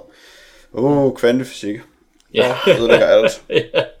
Og det er jo, det er jo produceret af produktionsselskabet Dickhouse, øhm, som, er, som er produktionsselskabet ejet af Knox, øh, Johnny Knoxville og Bam Margera, mm-hmm. som var det produktionsselskab, som tog over og, og førte Jackass videre, efter at uh, Spike Jones ligesom havde fundet på det. Mm-hmm. Ej, hvor er det hæsligt at se bare med Jura igen. Ja, Nå ja, det var en Uh, skam, at han var med. Der fik jeg klamme håndflader. som et eller andet uh, ubehageligt hundespøgelse på bagsædet af en bil. Nærmest. Nærmest. Jeg synes, det var løjt squat. Nu til hundespøgelser, Jack. Ja, Skal have noget real hip-hop. ja. Noget real hip-hop, noget øh, seriøs kunst. Nu skal vi nemlig tale om en Jim Jarmusch film. Og mere kunstnerisk bliver det vel næsten ikke. Øh, det drejer sig om en, øh, ja, hvad skal man kalde det? En slags actionfilm måske, fra 1999, som hedder Ghost Dog, Forrest Whitakers dogne øje. Der handler om Ghost Dog, som bliver spillet af Forrest Whitaker, øh, som har læst for meget af Hagakure, som er en øh, vejledning til, hvordan man bliver samurai. Og derfor så lader han, som om han er en samurai. Lever som en samurai på en måde, men det er nu om dage. Og så er han også legemorder for mafiaen. Og har, øh, hvad hedder det, brevduer. Han holder også brevduer, og så bor han i et lille klamt skur på et tag. Og så læser han bøger indimellem, og er venner med en øh, fransk mand, der sælger is. Den er, øh, som sagt, instrueret af Jim Jarmusch, og den er måske en tribute til en film, Jean-Pierre Melville lavede i 67, som hedder Les Samurai. Øhm, og sådan, som om den ikke havde øh, hip-hop credibility nok i og med, at hovedpersonen hedder Ghost Dog, så er det øh, Raza, Ja. der har lavet musikken til filmen. Han er, øh, han er sådan en Wu-Tang-mand. Og os, der ved noget om hiphop, ved, at hvis man er en Wu-Tang-mand, så er man noget real hip-hop. Så øh, jeg har overbevist det unge publikum nu. Åh oh, ja. Bestemt. Nå, men øh, det, er, det er som sagt sådan en slags actionfilm, hvor øh, han er selvfølgelig legemorder, og så er der selvfølgelig noget, der går galt, og så skal, alle selvfølgelig skyde efter hinanden. Øhm, lærte du noget nyt om samuraier at se den her film, Anders? Øhm, nej, ikke rigtigt. Altså, den prøver jo at lære os noget med alle de her klip, der kommer ind, hvor at, øh, at vores hovedperson læser op fra den her bog i sådan nogle øh, sådan korte passager, hvor vi så får et eller andet filosofisk indblik i samuraien. Og, og man, man har det, som om man lærer en masse, men på den anden side, så virker det også som lidt noget vulapyk. så, så, eller også så var jeg dum, fordi der var ikke rigtig noget, der hang ved, sådan ud over de ting, jeg måske vidste i forvejen, om øh, altså det der med, at man godt lige kan lave et, et enkelt præcist slag, inden man dør, når man får hugget hovedet af, eller at en samurai er sådan forberedt på at dø, sådan hele tiden, fordi det er de vel bare, fordi de frygter ikke døden, fordi de er samuraier. Så. de, de kan bare gemme sig, eller kaste en, en røgpille ned i jorden. Nej. Um, Så du blander nogle ting sammen nu. ja. øh, vidste du også alle de ting om samuraier, som Anders vidste den? Ah, ikke helt. Eller, eller var du måske sådan lidt, øh, lidt, lidt skarpere end jeg var, så du hørte måske, hvad der blev sagt, ja. og læste det, og forstod det.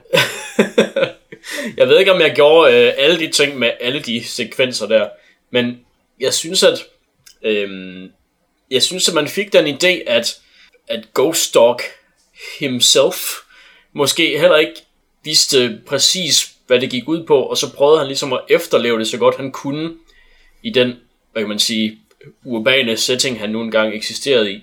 Sådan at han, at han så øh, ham her, Louis, øh, ham der gangsterfyren, der i sin tid reddede hans liv, at nu var han Louis retainer, og nu, var han, nu, nu skyldte han ligesom hans liv til Louis, og så skulle han altid respektere ham, selvom Louis egentlig var havde fået ordre fra sine gangsterchefer til at, til at dræbe Ghost Dog. Det synes jeg faktisk er en rigtig spændende ting, du tager fat i, der er Det med, at du er ikke helt overbevist om, at Ghost Dog selv har forstået mm-hmm. den her uh, samuraiens vej. Hvad får dig til, ikke at, til at tro, at han ikke har forstået det? Uh, jamen så, jeg ved ikke, det, det, det, det er måske mere sådan en, en, en generel fornemmelse i, at uh, i, egentlig igennem mange af filmens karakterer, uh, der, der ikke helt forstår, hvorfor de gør, som de gør. Ligesom Louis, han, han, er, altså, han er sådan en gammel, tyk gangster, der måske heller ikke helt forstår, hvorfor at han skal sende Ghost Dog ud for at dræbe en eller anden fyr, og så bagefter så får han så videre, at når så skal Ghost Dog klås ihjel. Nå, det forstår han heller ikke helt. Men det er sådan, det er sådan reglerne er. Og så, så Ghost Dogs bedste ven, franskmanden, der slår is, de forstår ikke hinanden, fordi franskmanden, han kan kun tale fransk, og Ghost Dog, han kan, han kan så ikke tale fransk, han taler så kun engelsk. Så det er sådan en, øhm, ja, igennem hele filmen, så er det sådan noget med, at folk de ikke, de ikke helt altså, forstår tingene, men, men de prøver så godt, som de kan. Jeg forstår nemlig godt den der fornemmelse faktisk, men jeg har det mest som om, at det er fordi, at det er Forrest Whitaker på en eller anden måde, som ja. bare ser så usamurai ud, og der er sådan ja. et eller andet virkelig kikset ved den måde, han bor på. Men jeg synes egentlig ikke, at der er noget i filmen, som fortæller os, at han har misforstået nogle af tingene. Jeg synes egentlig, at han gør alting helt rigtigt. Jamen det gør og dermed lidt gør min, øh, min fordomme om ham til skamme. Fordi jeg bare ser hans dogne øje, og så tænker jeg, ah, han er ikke nogen samurai. Men så gør han egentlig alting helt rigtigt. Så vidt jeg kan se. Jeg kan ikke se nogen øh, fejl, som han begår. Du, du, har jo, du har jo sådan set ret, fordi han, han gør jo det, han gør rigtig godt. Og han er jo sådan effektiv til at være sådan en legemorder og så videre, ikke? Og, og jeg vil også, altså jeg vil også bare gerne se på hans ansigt hele dagen egentlig. Men, men altså... men, men altså, man kan ikke altid få, hvad man ønsker. Øhm, og han ligner jo ikke en samurai for det første. Og så er der sådan, hvad hedder det, noget jeg lader mærke til, efter han, når han ligesom har, har været ude i en, i en skudduel eller sådan noget, så svinger han ligesom sine skyder, som var det sådan svær. Og det synes jeg bare, det er så super fedt og super latterligt på samme tid. Det var virkelig en fantastisk detalje ved ham, der gør sådan, at han, altså han leger også lidt, han er en samurai, synes jeg, man får fornemmelsen af der, når han... Ja, jeg fik sådan en, en fornemmelse af sådan en eller anden, en eller anden kikset nørd til en anime-kongres, som der lige sådan skal lave noget sejt med en pistol ja. ude i luften. ja. Um, og, og overhovedet ikke til en, uh, ja, sådan en overlegen dræber, ja, som han ja. faktisk er i den her film. Jamen det, det, det er sådan en, en latterlig lille ting at gøre, men, men altså det, det passer sådan til ham, og den, ja, det indtryk, man ligesom har af ham. Jamen det vil jeg også sige, jeg synes ikke, det var out of character, jeg synes bare, det var komisk. Ja, ja, lige, lige præcis. Og, og det er, um, Ja, altså det, det, det, skulle, altså det, det clasher selvfølgelig lidt, at han er sådan en stor sort fyr, der bor på et tag og en samurai. Altså ligesom, ja, ligesom der er så mange af de her, hvad kan man sige, folks selvforståelse i filmen, der egentlig clasher ret meget. Øh, også alle de her gamle, gamle tykke gangster, der sådan, altså det er jo meningen, at man skal, jeg går ud fra det er meningen, at hvis man er en gangster, så er man sådan rig og, jeg ved ikke hvad, altså kører rundt i dyre biler og sådan noget. Øh, jo, altså de har vel også dyre biler i teorien, men de er bare el gamle, og hvad hedder det, de kan jo ikke betale, øhm, betale husleje for deres hovedkvarter, som er sådan en baglokal til sådan en kinesisk restaurant eller sådan noget. Øh, og det, det virker jo også meget som, som at der er et eller andet, de ikke helt har fattet, de her gamle, tykke italienere. Ja, der, der, jeg synes, der er, en, der er en masse, masse komisk materiale i Jim Jarmus beskrivelse af de her mobsters her. Jeg synes, en af de, en af de, de detaljer, jeg bedst kunne lide, det er i en af slutscenerne, hvor Ghost Dog skal op til ham, øh, hvad er det, han hedder, ham der, som, øh, som godt kan lide rap, som går og rapper ud i luften. Han hedder ja. Sonny Valerio. Lige præcis. Og når han kommer hjem til ham, så kan vi se, øh, at han har sådan en carport. Men carporten kan ikke lukkes helt, ja. fordi hans bil er lidt for lang. ja. Så der er lige sådan snuden af bilen stikker ud, og så er carporten kun sådan, sådan, sådan lukket på nær den sidste meter. Og det er bare sådan, det er bare så, det er så ynkeligt. det er rigtig meget. Sådan nogle ting, og det, og det er der masser af. Det kunne jeg godt lide. Jamen jeg tror også netop, at det, det her med, at øh, selvfølgelig det komiske, man siger det, men også med et Ghost Dog, at vi, han virker latterlig på en eller anden måde. Som det er lidt svært at sætte fingeren på, hvorfor han egentlig virker latterlig. Mm. Øhm, og det virker lidt som filmens styrker. Jeg tror lidt, den gemmer øh, lidt at gøre nar af os på en eller anden måde i de der ting.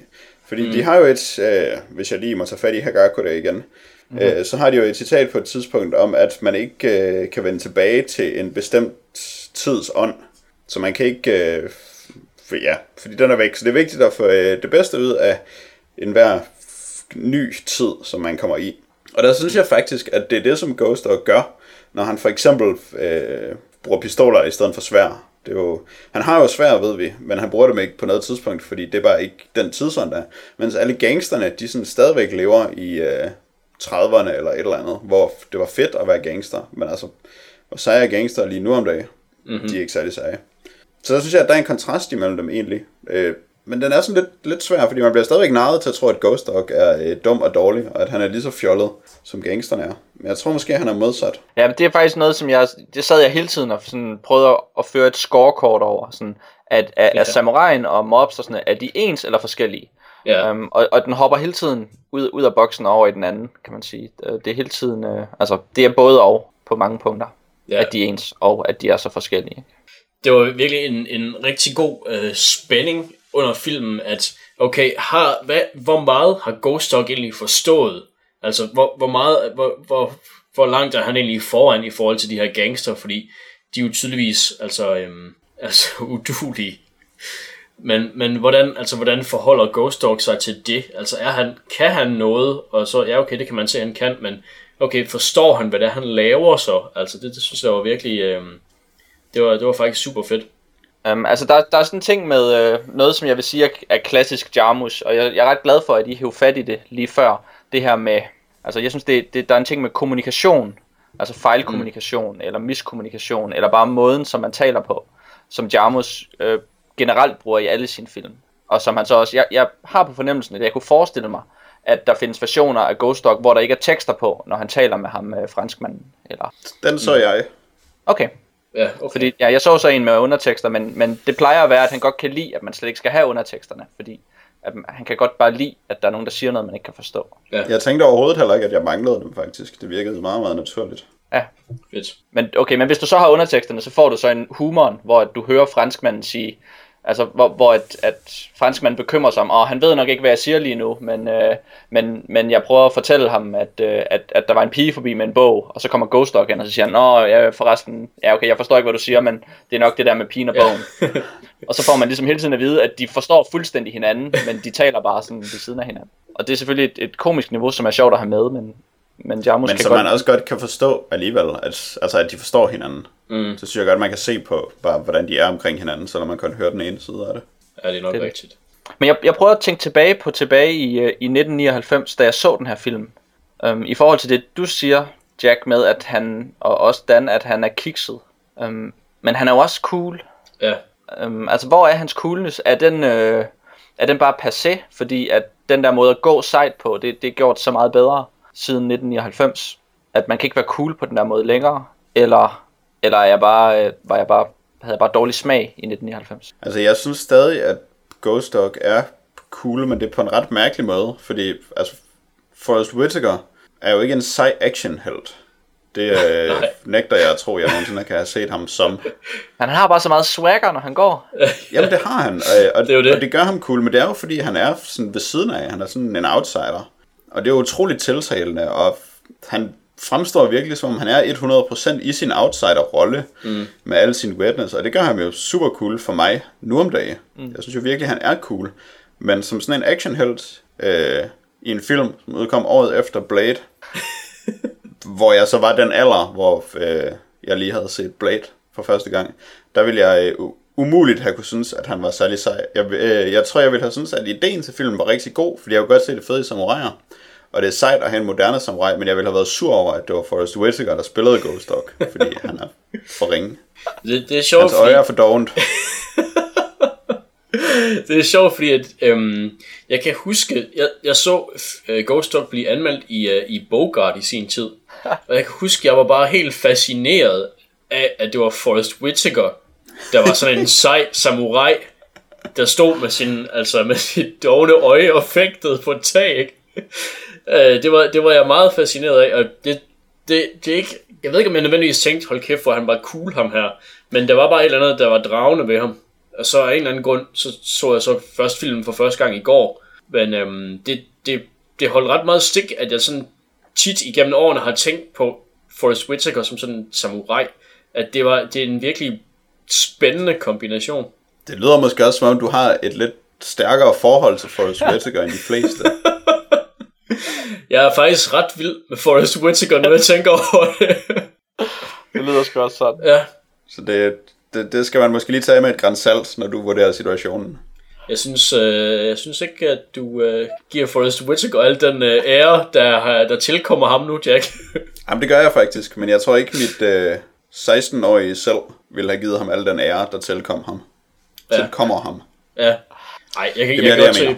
Ja. Og jeg tænker, at når vi nu taler om, hvad der skete i 99, at vi så øh, at vi tænker ud fra den actionfilms mentalitet. Men altså, den her, den er udover at have Forrest Whitaker, så har den jo også sin egen poesi. Um, altså, det kunne godt have været en anden skuespiller, og så, kunne den, og så ville den også have det her poetiske niveau, synes jeg. Um, jeg, jeg tænkte lidt på filmen som, som, altså, som en, en cocktail af tre ingredienser, hvor man har det poetiske, og så har man det her hip-hop krimi, og så har man sådan et eller andet komisk element, som, som man ikke helt ved, hvor ligger. Sådan lidt smart hipster-komedie på en eller anden måde.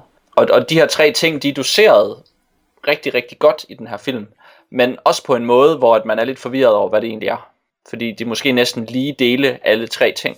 Det her poetiske, og det krimi, og så det, det komiske. Ja, de er tit sådan i det samme på en gang. Ja, Altså måske især øh, det komiske og det poetiske. I sådan de mærkelige optrin, der er indimellem. Hvor det for eksempel er skørt at være i gang med at bygge en båd på toppen af sådan et hus ind midt i New York. Ja. Så det er fjollet, men det er også poetisk.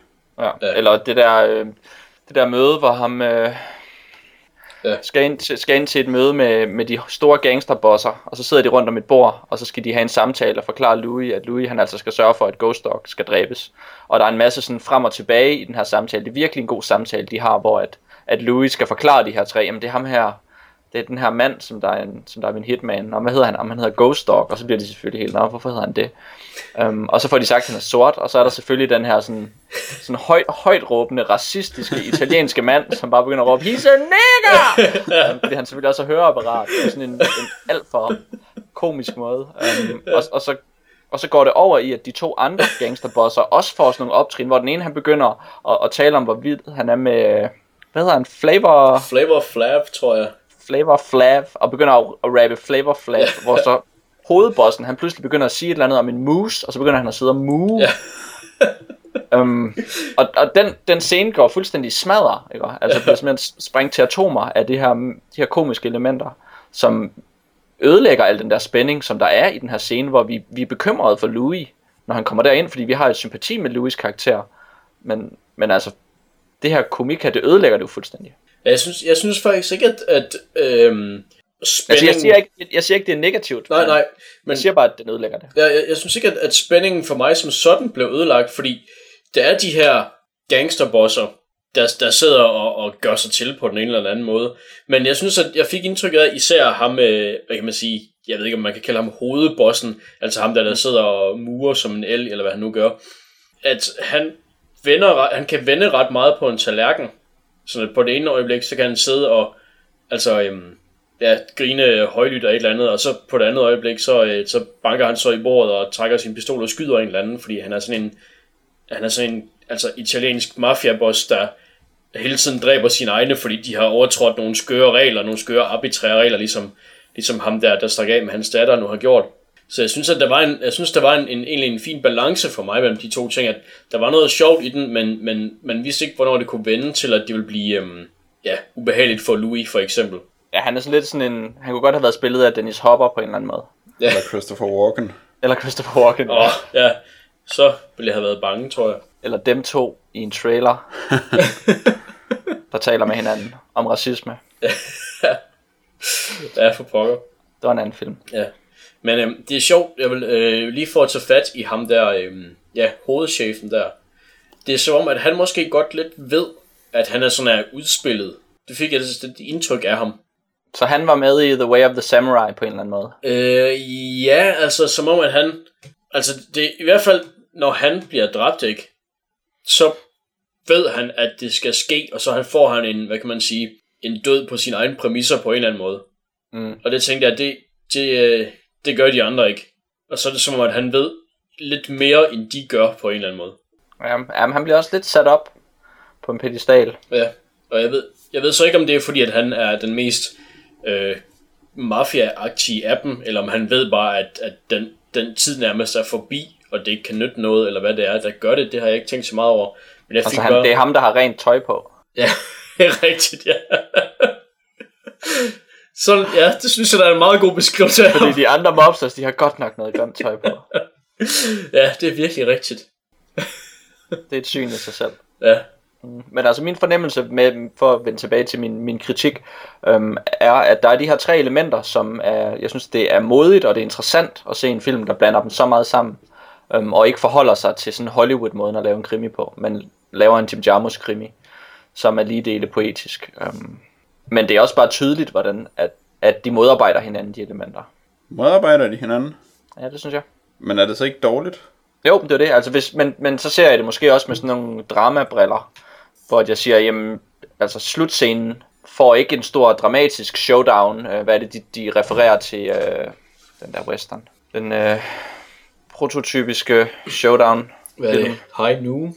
High Noon, ja. Hvor de, at der er et shootout til sidst, øhm, og, og de refererer til High Noon, og så skal han, så ved vi selvfølgelig, at Ghost Dog går i døden, fordi det har han lagt op til lige siden starten af filmen. Mm. Øhm, og så, øh, og så sker det, men den scene har ikke et særligt stort payoff. Jeg, jeg mærkede ikke den scene særlig meget. Jeg mærkede ikke slutningen på filmen. Nu du siger det, det kan jeg måske egentlig godt fornemme, fordi jeg tror heller ikke, at, at den øh, scene havde den øh, impact på mig, som jeg egentlig kunne have forestillet mig, at den ville have. Men er det ikke ret fedt, at den ikke har det? Er det ikke fordi filmen har fået os til at øh, meditere over den uundgåelige død, så vi selv er som en samurai, der accepterer den død, da den endelig kommer? Ja, det kan man godt sige. Åh, oh, jeg kan virkelig godt lide den udlægning.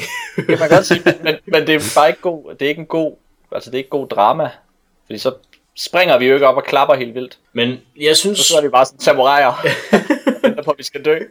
det er da rimelig sejt. Men altså, jeg, jeg synes, at noget, der var, øh, noget jeg var imponeret af øh, i den scene, det er... Øh, ja, ikke, Hvor spredte ben Louis står med.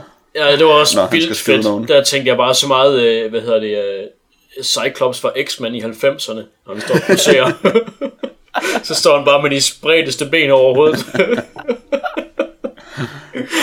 det var vildt fedt. Men øhm, noget, jeg var imponeret af, det var, øhm, hvad hedder det, øh, hende, den unge pige, der får den der pistol. Og så når øh, Louis, han så stikker af, så trækker hun så den her pistol og sigter på ham og, og trykker af. Men øhm, der er så ikke nogen øh, patroner i. Men så laver han sådan lige sådan et, et, et fald nærmest, hvor hun så trykker på aftrækkeren. Og det synes jeg, at der måske var, var øh, meget mere dramatisk faktisk, end, øh, end den der øh, stand, øh, stand-off, øh, show-off scene. Hvorfor synes du, det var dramatisk? Jeg tror, ja, det var, det var lidt sjovt, fordi det ved jeg ikke, altså det kom bare meget bag på mig, at det ville ske. Og jeg vidste jo godt, at der ikke var nogen øh, patroner i, fordi man ser øh, Ghost Dog fjerne dem fra, øh, fra sin pistol før, øh, før scenen der. Så jeg havde, altså for det første havde jeg nok ikke ventet, at hun gjorde det. Og så for det andet, så havde jeg ikke ventet, at det havde en, en hvad kan man sige, en effekt i virkeligheden, at hun så trykkede på aftrækkeren. For mig det var, var det mere øh, det dynastiske i, at hun skulle overtage hans, øh, hans vej efter ham. Der gjorde den del af det rørende. Ja, det kan man, det kan man, øh, ja, muligvis det. Men det, det, jeg tror ikke, det havde jeg ikke umiddelbart tænkt over, at hun ville være, altså, den næste samurai, om man vil, øh, før at, at, ja, at hendes øh, skud øh, lykkedes, eller hvad man skal kalde det. Er det fordi det der ligger i, at altså, det, han bruger hele tiden retainer mm. Ghost Dog omkring hans rolle i forhold til, øh, til hans øh, master. Um, og det, det der ligger i det, det er jo også, at selv i, i døden, så skal han hjælpe ham. Um, og, og der er jo den der sådan selvmordsidé med, at man, kan, at man skal begå selvmord, sådan, så man kan følge sin mester ind i døden og, og tjene ham der. Um, og der må vi jo lidt forstå det som om, at han så dør, så han kan give det videre til hende her pigen, sådan, så hun kan, hun kan være en, der beskytter Ghost Dogs mester. Hvilket lidt er noget pludder måske. Jeg ved, jeg ved ikke, om det er den idé, de prøver at sælge, altså, øh, eller han, at nogen prøver at sælge, fordi det, altså... Nå, men det er jo ikke, fordi den her lille pige skal reddes Nej. af noget. Altså, det er jo ikke fordi, at vi, vi, får ligesom, vi, vi, vi får ikke fortalt en historie, hvor vi har et samfund, hvor der er brug for samuraier, for at det hele kan hænge sammen. Nej, det er rigtigt. Så, hvad, altså, så det er jo ikke fordi, at man kan sige, åh, oh, det var godt nok godt, at Ghost Dog fik lavet hende om til en samurai til sidst. Det, det er forholdsvis neutralt at hun bliver en samurai til sidst. Altså jeg synes, åh det var godt nok godt, det er bare fordi jeg vil med samuraier. Ja. det er også fedt. Ja, men altså, men altså det med, at han hjælper øhm, sin, sin mester, sådan noget, hun kommer jo aldrig til at arbejde for Louis, fordi hun har dræbt, eller han har dræbt Ghost Dog, som er hendes ven. Så, så det, altså det er lidt, altså måske bliver hun en samurai, men hun bliver ikke Louis samurai, hvis man kan sige det. Så, Nå, øh, han bliver ikke samurai uden en mester. Men apropos at samurai er det sejeste, så øh, synes jeg, at den scene, hvor han møder Raza, øh, som Ja. forklædt samurai, at det er den bedste scene. Fuldstændig solgt på den. Jeg kunne bare sidde og se den igen og igen. Jeg tror, jeg sidder og tænker, øh, mediterer over den, når jeg stiger ud i luften, ligesom Dan mediterer over Forrest Whitakers dognøje. det var så, må, så, må du lige malerisk, øh, så må du lige malerisk beskrive det, nogle elementer fra den scene.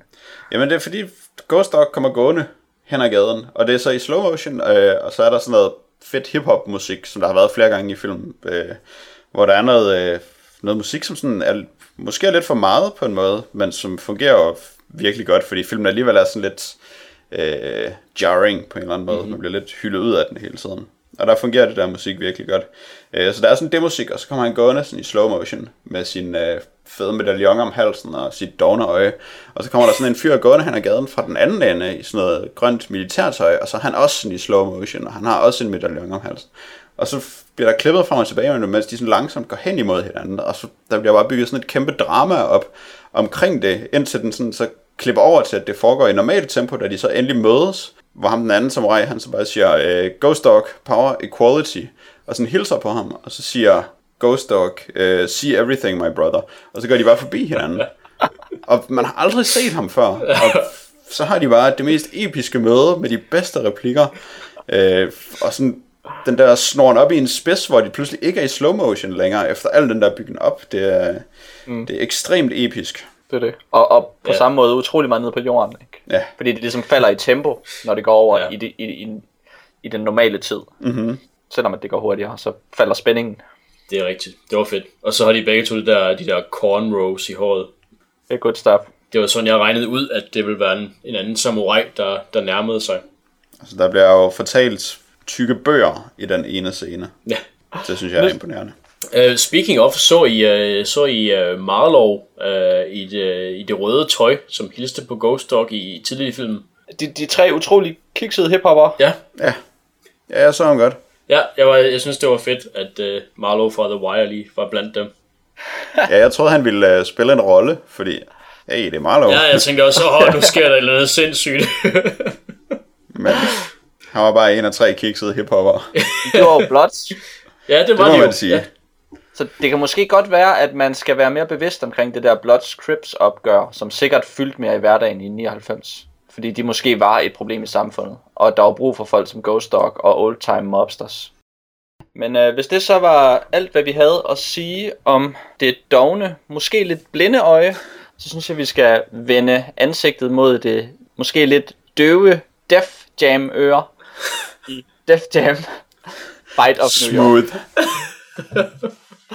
Det er et uh, fighting game, som er udviklet af de japanske Syn Sophia Incorporated, som vi tidligere kendte som AKI Corporation, der selvfølgelig har lavet alle vores dejlige wrestling-spil, som vi har spillet igennem tiderne.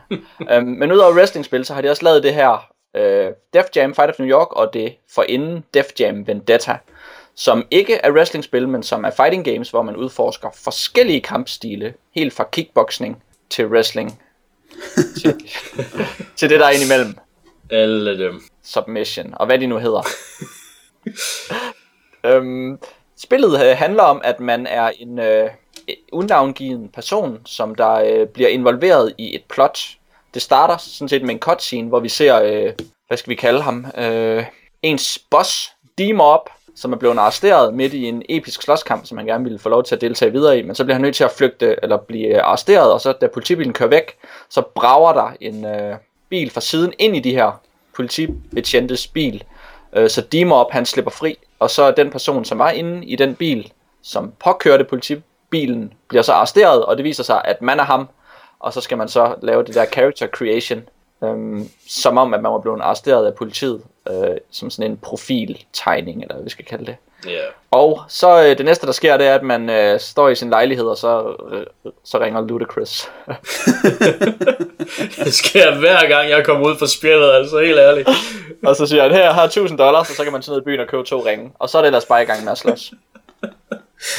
Det er et, øh, ja, et fighting game, som sagt, hvor man har forskellige kampstile øh, at vælge imellem, hvilket er, er spændende, øh, hvilket giver det en, en interessant dybde, sådan så man ligesom ved, der er fem ting, som man kan lære at kende, og som man kan blive god til at slås imod, og der er også fem ting, som man potentielt kunne interessere sig for og vælge at blive god til.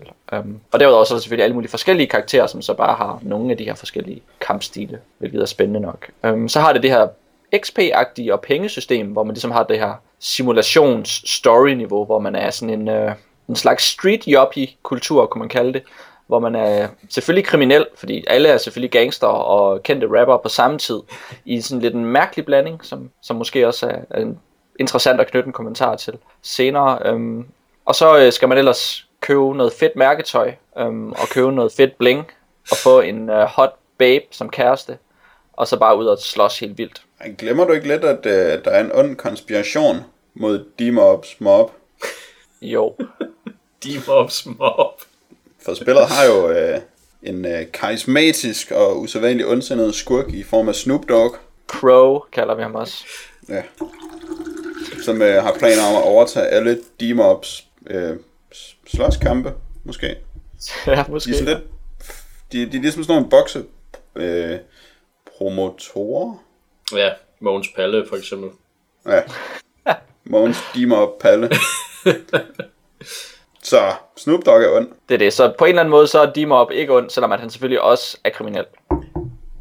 Ja, ja. Men de har sådan nogle principper jo. Ja. Øh, fordi Snoop Dogg, han tror jo, at man at frygt er magt. Men D-Mob ved, at hvis, man, hvis en hund er bange for en, og så man vender ryggen til den, så bider den alligevel en. Det er respekt, der er magt. Sådan. A man must have a code. Yep.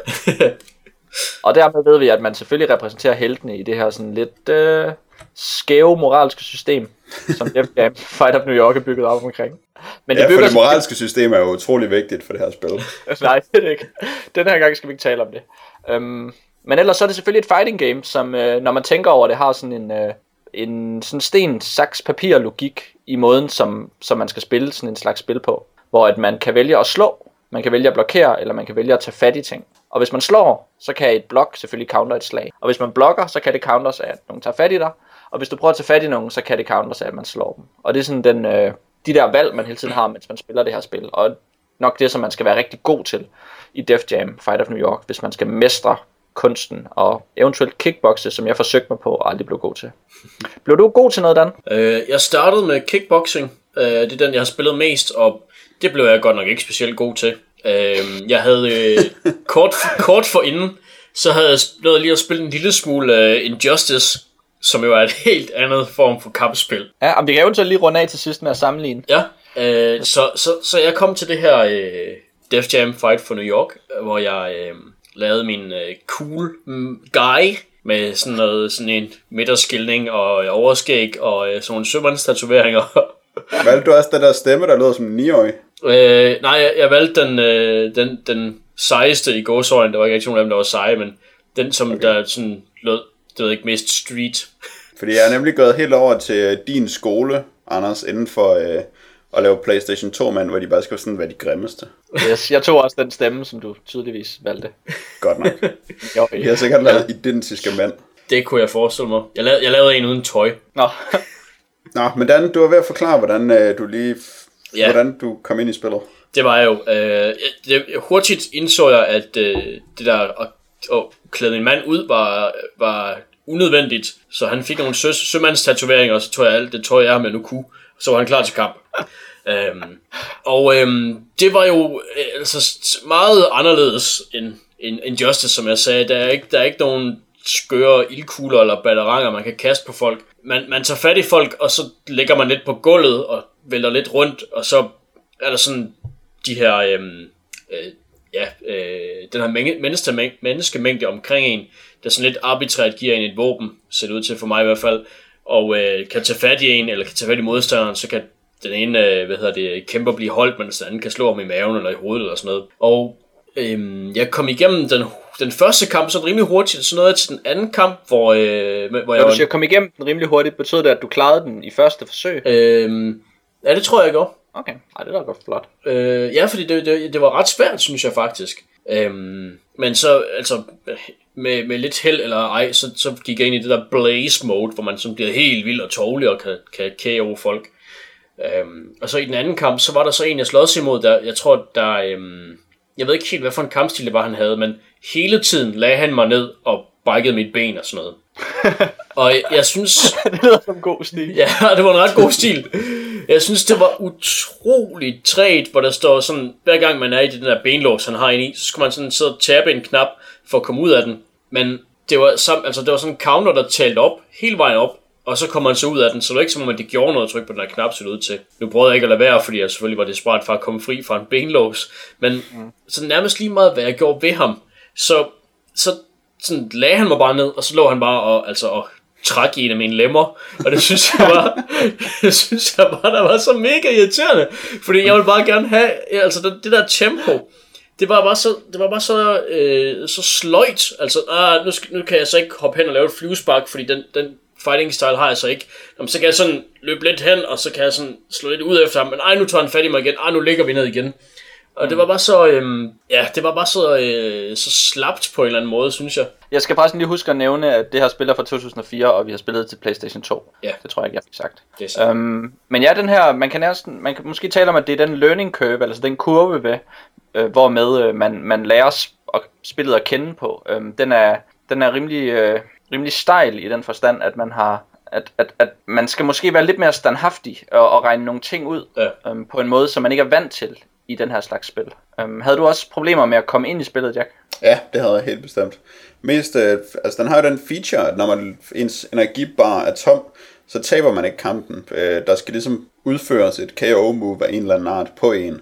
Øh, og det skal man så også gøre mod modstanderen. Og det tog godt nok lige nogle forsøg, før jeg sådan helt fik fat i, hvordan man gjorde det effektivt. Så ja, øh, det er et svært spil at lære, og det er et svært spil at spille, når man har lært det. Jeg ved ikke helt, om jeg er enig i, at tempoet er så lavt, fordi jeg synes godt nok, at nogle af dem, øh, for eksempel Sean Paul, øh, er ekstremt hurtige, og det er godt nok en fordel i det her spil at være hurtig. Min mm. fyr, han var sådan rimelig tyk og langsom.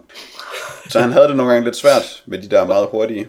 Øh, fordi der er nogle ting, som bare sådan helt tydeligt er bedre at gøre ved folk. Som for eksempel bare gribe fat i folk, og så smide dem ind i væggen, og så bruge grapple-movet, når de er mod væggen, eller i tårne, eller sådan noget. Det giver bare mere skade end alt andet, når man finder de gode vægge. Mm. Øhm, og hvis man så er for langsom til at få fat i den anden, hvis han kan få fat i dig før ham, så har man det godt nok, så kan man godt have det lidt svært i nogle slåskampe. Men man kan også blive god til at øh, vurdere afstandene og sådan lidt snyde modstanderen. For eksempel øh, at lave en lille slagkombo, vælge ham på gulvet, og så lige hoppe hen, og så lige slå ham i skridtet, mens han ligger ned. Og så træde præcis nok tilbage til, at når han rejser sig op, så prøver han at gribe fat i dig, og så kan man slå ham i hovedet igen fire gange. Den er der rigtig mange af dem, som hopper på, når man spiller mod øh, computeren, hvis man lige får den afstand rigtigt. Okay. Men de der slag, de giver så ikke særlig meget skade. Det kommer lidt an på din upper body strength, synes jeg. Okay. Okay. Det viste sig faktisk hurtigt, udover at slå folks hoved ind i en øh, betonmur, så var det det mest effektive for min tykke mand. Det var bare at give dem næveslag i ansigtet. Det lyder som, du havde en god tyk mand. Jeg, jeg var altid for de street fighting, fordi jeg vidste, at Henry Rollins var med i spillet, og så håbede jeg, at han ville blive min mentor, hvis jeg valgte det. Men han er så alles mentor. Ja. Det er rigtigt. Black Flag, Henry. Ja. Og der er også en, en Danny Trejo, så vidt jeg kunne se, sammen med Snoop Dogg, kommer han spacerende ind på et tidspunkt. Ja. Og så selvfølgelig alle de der andre hip-hop kunstnere, som jeg jo ikke rigtig genkender, øhm, men bare sådan kender af navn. Det er også svært at genkende dem, når de er øh, deformeret til det her sådan PlayStation 2 ja. svulmende Michelin-mand-agtige look, hvor de alle sammen har enorme groteske muskler og enorme groteske hoveder. Jeg synes især Ice-T, som jeg jo i mange tilfælde godt kan genkende, han ser saftsus med mærkelig ud, fordi han har jo aldrig været sådan særlig stor, hverken i sit hoved eller sin krop.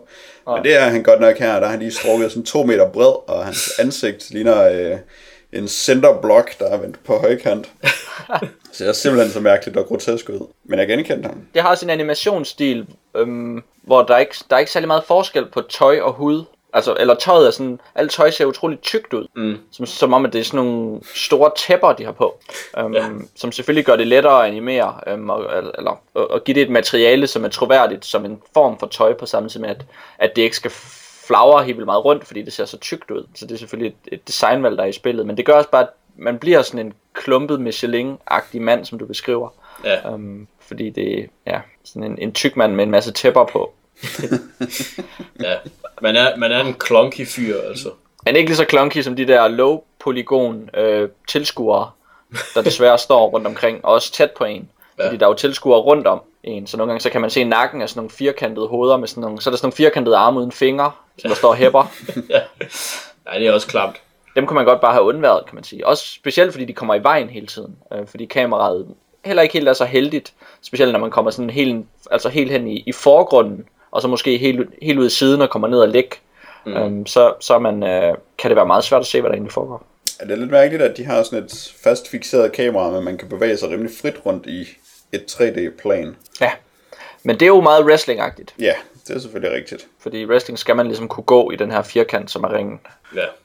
Der adskiller det sig fra for eksempel Street Fighter, hvor man overhovedet ikke kan gå nogen steder hen.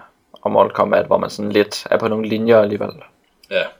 Eller Injustice, hvor man overhovedet ikke kan gå nogen steder hen. Ja, det er det. Øhm, nu har du jo spillet de her spil lige op af hinanden, Jack. Hvordan, mm-hmm. hvordan, hvordan var det at gå sådan... Altså, er det... Oh, det er svært at spørge, om der er noget at komme efter i det her Def Jam Fight of New York. Fordi hvis man er vild med hip-hop og gerne vil se... Gerne vil tæsk Snoop Dogg og... eller få en- Flavor Flav. eller Flavor Flav, ja. Eller Danny Trejo, eller bare købe ringe for 1000 kroner for en kæreste. Du sælger det godt. Det altså, så skal sige. man jo spille Def Jam Fight for New York. Så jeg ved ikke helt, at det er vel næsten unfair at sammenligne det, eller hvad? Det ved jeg ikke helt om det er, fordi jeg synes faktisk, at der var sådan ret mange interessante ting i den måde øh, kampsystemet i det her spil fungerede på, som ikke minder mig så meget. Det er måske fordi, jeg ikke har spillet de der wrestling-spil så meget, som jeg burde have gjort. Men jeg synes, at altså for det første øh, var æstetikken sjov i det, at den var så sindssygt nede på jorden, som den er. At folk bare er sådan nogle almindelige mennesker, og så skal de have nogle slåskampe. Og så synes jeg, at øh, der var et eller andet sådan... Altså, der er jo mange af angrebene, som ikke er realistiske, men som sådan alligevel minder lidt om det, og det fik det lidt til at... Øh, det gjorde slåskampene lidt ubehagelige på en eller anden måde, fordi jeg synes var ret fedt. Og så er der de fem forskellige øh, kampteknikker, som jo alle sammen har deres egen specielle måde at KO modstanderen på, som det virkede som om, der var rimelig meget taktisk dybde i, men der, var så, der er så selvfølgelig også nogle af dem, som bare er objektivt bedre end de andre er, fordi det er for svært at lave KO-movet med martial arts for eksempel. Men jeg synes, at der var et ret spændende system egentlig i det, som var noget at komme efter. Det virker selvfølgelig øh, clunky og PS2-agtigt, og det der med, at tempoet er lavt, det er også sådan noget med, at man for eksempel, når man falder på jorden, så det er virkelig svært at finde ud af, hvornår ens øh, rejse op knap den virker. Nogle gange så bliver man bare liggende sådan rimelig længe, uden at man helt forstår hvorfor. Ja. Og andre gange så kan man sparke rejse op med det samme. Den havde jeg også svært ved at regne ud, og det virkede som en meget vigtig nøgle til at, at være succesfuld i, i spillet, fordi at hvis man ikke er hurtig til at rejse op, så går modstanderen på hen og tager fat i en, og så starter det hele forfra, og så får man tæsk, og så ligger man på Ja. jorden igen. Og i det hele taget er det et meget, det virker som et meget kompliceret system, som i hvert fald er meget, meget svært at gennemskue og sætte sig ind i til fulde og udnytte det så godt, som nogle af dem gør. Det var meget markant for mig at opleve, hvor træt jeg blev i fingrene af at spille det her spil. Efter bare spillet det i et kvarter, fordi at jeg trykker så meget på knapperne, og fordi at jeg ikke forstår, hvad der foregår, så trykker jeg ekstra hårdt. Fordi man, man er sådan bekymret for, hey, sker der overhovedet noget, når jeg trykker Ja, på den her ja. lille klump her, som skal få min mand op at stå. Um, det var en god sætning.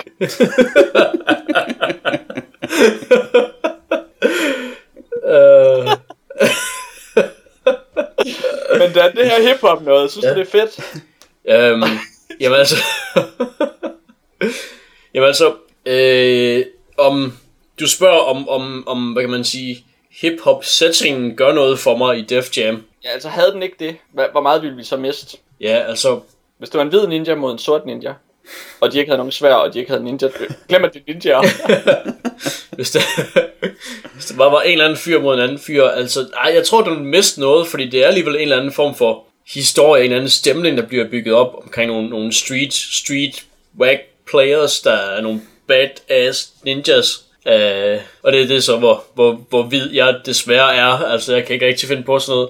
Men altså, det, den, den, den, det, det giver det jo en eller anden øh, atmosfære. Det synes jeg, at det gør. Øh, både på godt og ondt. Altså, jeg synes, det var super lamt at skulle købe tra- trainers og hvad hedder det, Puff Daddys tøj og ringe og sådan noget. Det var jeg fuldstændig ligeglad med. Men det var sådan lidt fedt, at man kunne level op hen ved Henry Rollins. Altså, det synes jeg, der var lidt sejt. Men Dan, du skal huske at købe noget fedt tøj, så du får øh, mere karisma. Ellers så er crowden jo ikke med dig. Nå, okay. Det er det, det uh, influerer. Okay. Det havde jeg ikke, uh, det havde jeg ikke set, eller lagt mærke til, at det skete. Det er også ret sent, da Henry Rollins sender en sms for at fortælle dig det. Ja. Uh, du, du det også, hvis man bare har fede tatoveringer. Ja, det hjælper også. Okay. Jeg regnede ikke helt ud af, sådan, hvordan publikums smag var. Om der var øh, nogle farver, de foretrækker eller sådan noget. Så jeg gik fra, at man bare skulle købe det dyreste hele tiden. Ja, Det tror jeg. det tror jeg bestemt. Jo mere new money, jo bedre. Ja. Hvad, hvad tror I Henry Rollins laver i det her spil? Hvordan mener du? Er det ikke Altså- mærkeligt? Altså, er det mærkeligt, at de har valgt at tage ham med, eller er det mærkeligt, at han har sagt ja til at være med? Det første. Det synes jeg ikke. Altså, hvis jeg lavede et computerspil, ville jeg da også have Henry Rollins med i det. Jamen, så er det jo nok den tilgang, de har haft. Men altså, der er jo ret mange sådan, altså, forskellige folk, som de bare synes var seje. Danny Trejo, for eksempel. Ja. Carmen Electra. ja. Ja. Uh, Seje folk. Så det, det, jeg tror lidt, at de har en eller anden smag i mennesker. Og det er jo også, hvis vi skulle sammenligne det med, med, med andre spil, så skal man jo spille det her, fordi at man kan være Snoop Dogg. Og fordi man kan tæske Snoop Dogg. Ja, ja, det Helt tror jeg også. Fordi, og det er også ret sjovt, synes jeg. Jeg synes, det, det er ikke, øh, der er ikke så mange spil, hvor folk bare er sådan rigtige mennesker. Og så er de i et computerspil som rigtige mennesker, men lader som om de er en eller anden sej gangsterboss. ja, vi kan jo ikke lægge skjul på, at vi gerne ville have spillet øh, 50 Cents skydespil til i dag. Men det kunne ikke opdrives.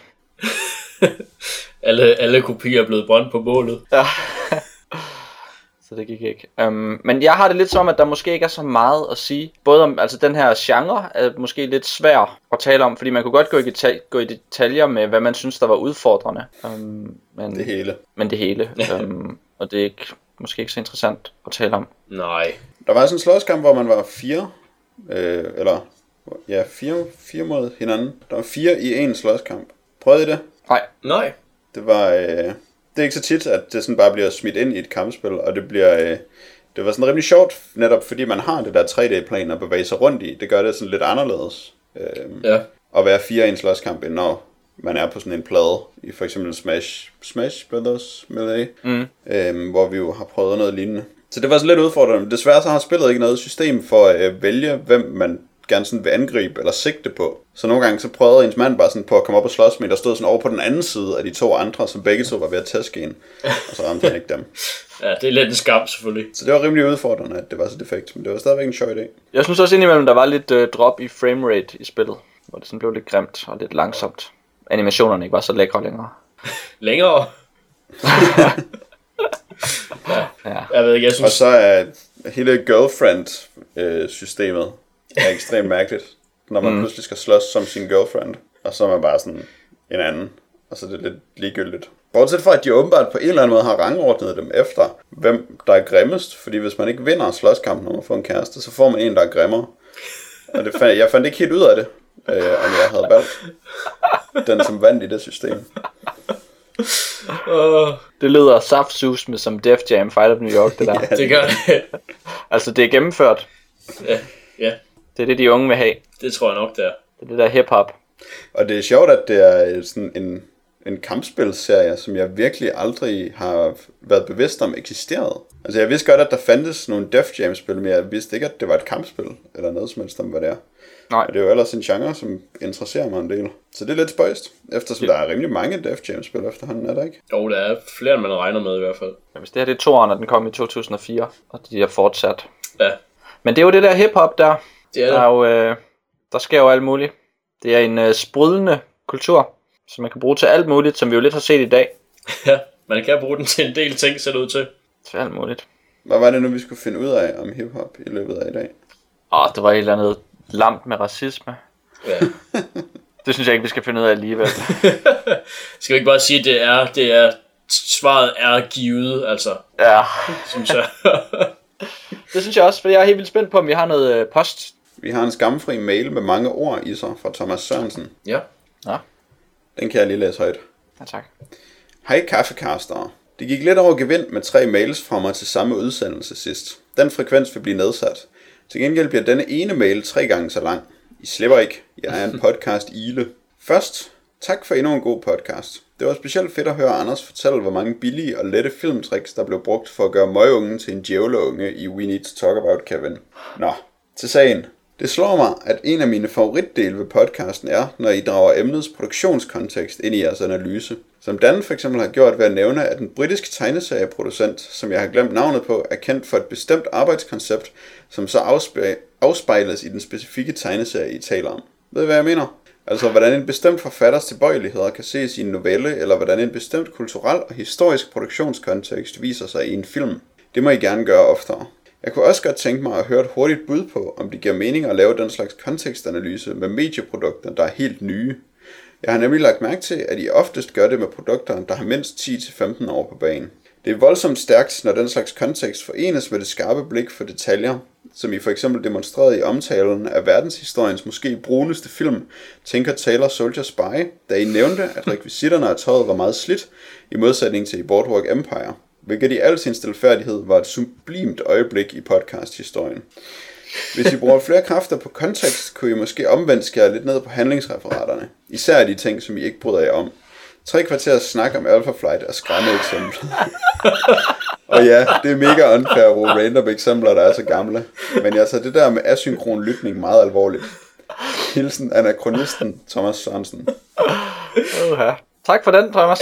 Ja, det var, øh, det var godt at tage det der med an, ano, anachronistisk lytning alvorligt også. Det er også godt at høre, at han slår ned i nogle ting, som er jo nogle øh, ømme pletter, kan man sige. Ja, Og Det er rart. det er ikke unfair at bruge random eksempler, der er gamle. Det er fedt. ja, ja. bestemt. Um, Hvad var altså det der... Alpha Flight? Åh, jeg kan godt huske det. Det var dårligt. Ja. Det talte vi godt nok også længe om, altså det er rigtigt nok. ja. I det mindste så hæv, hæv han ikke fat i roerne.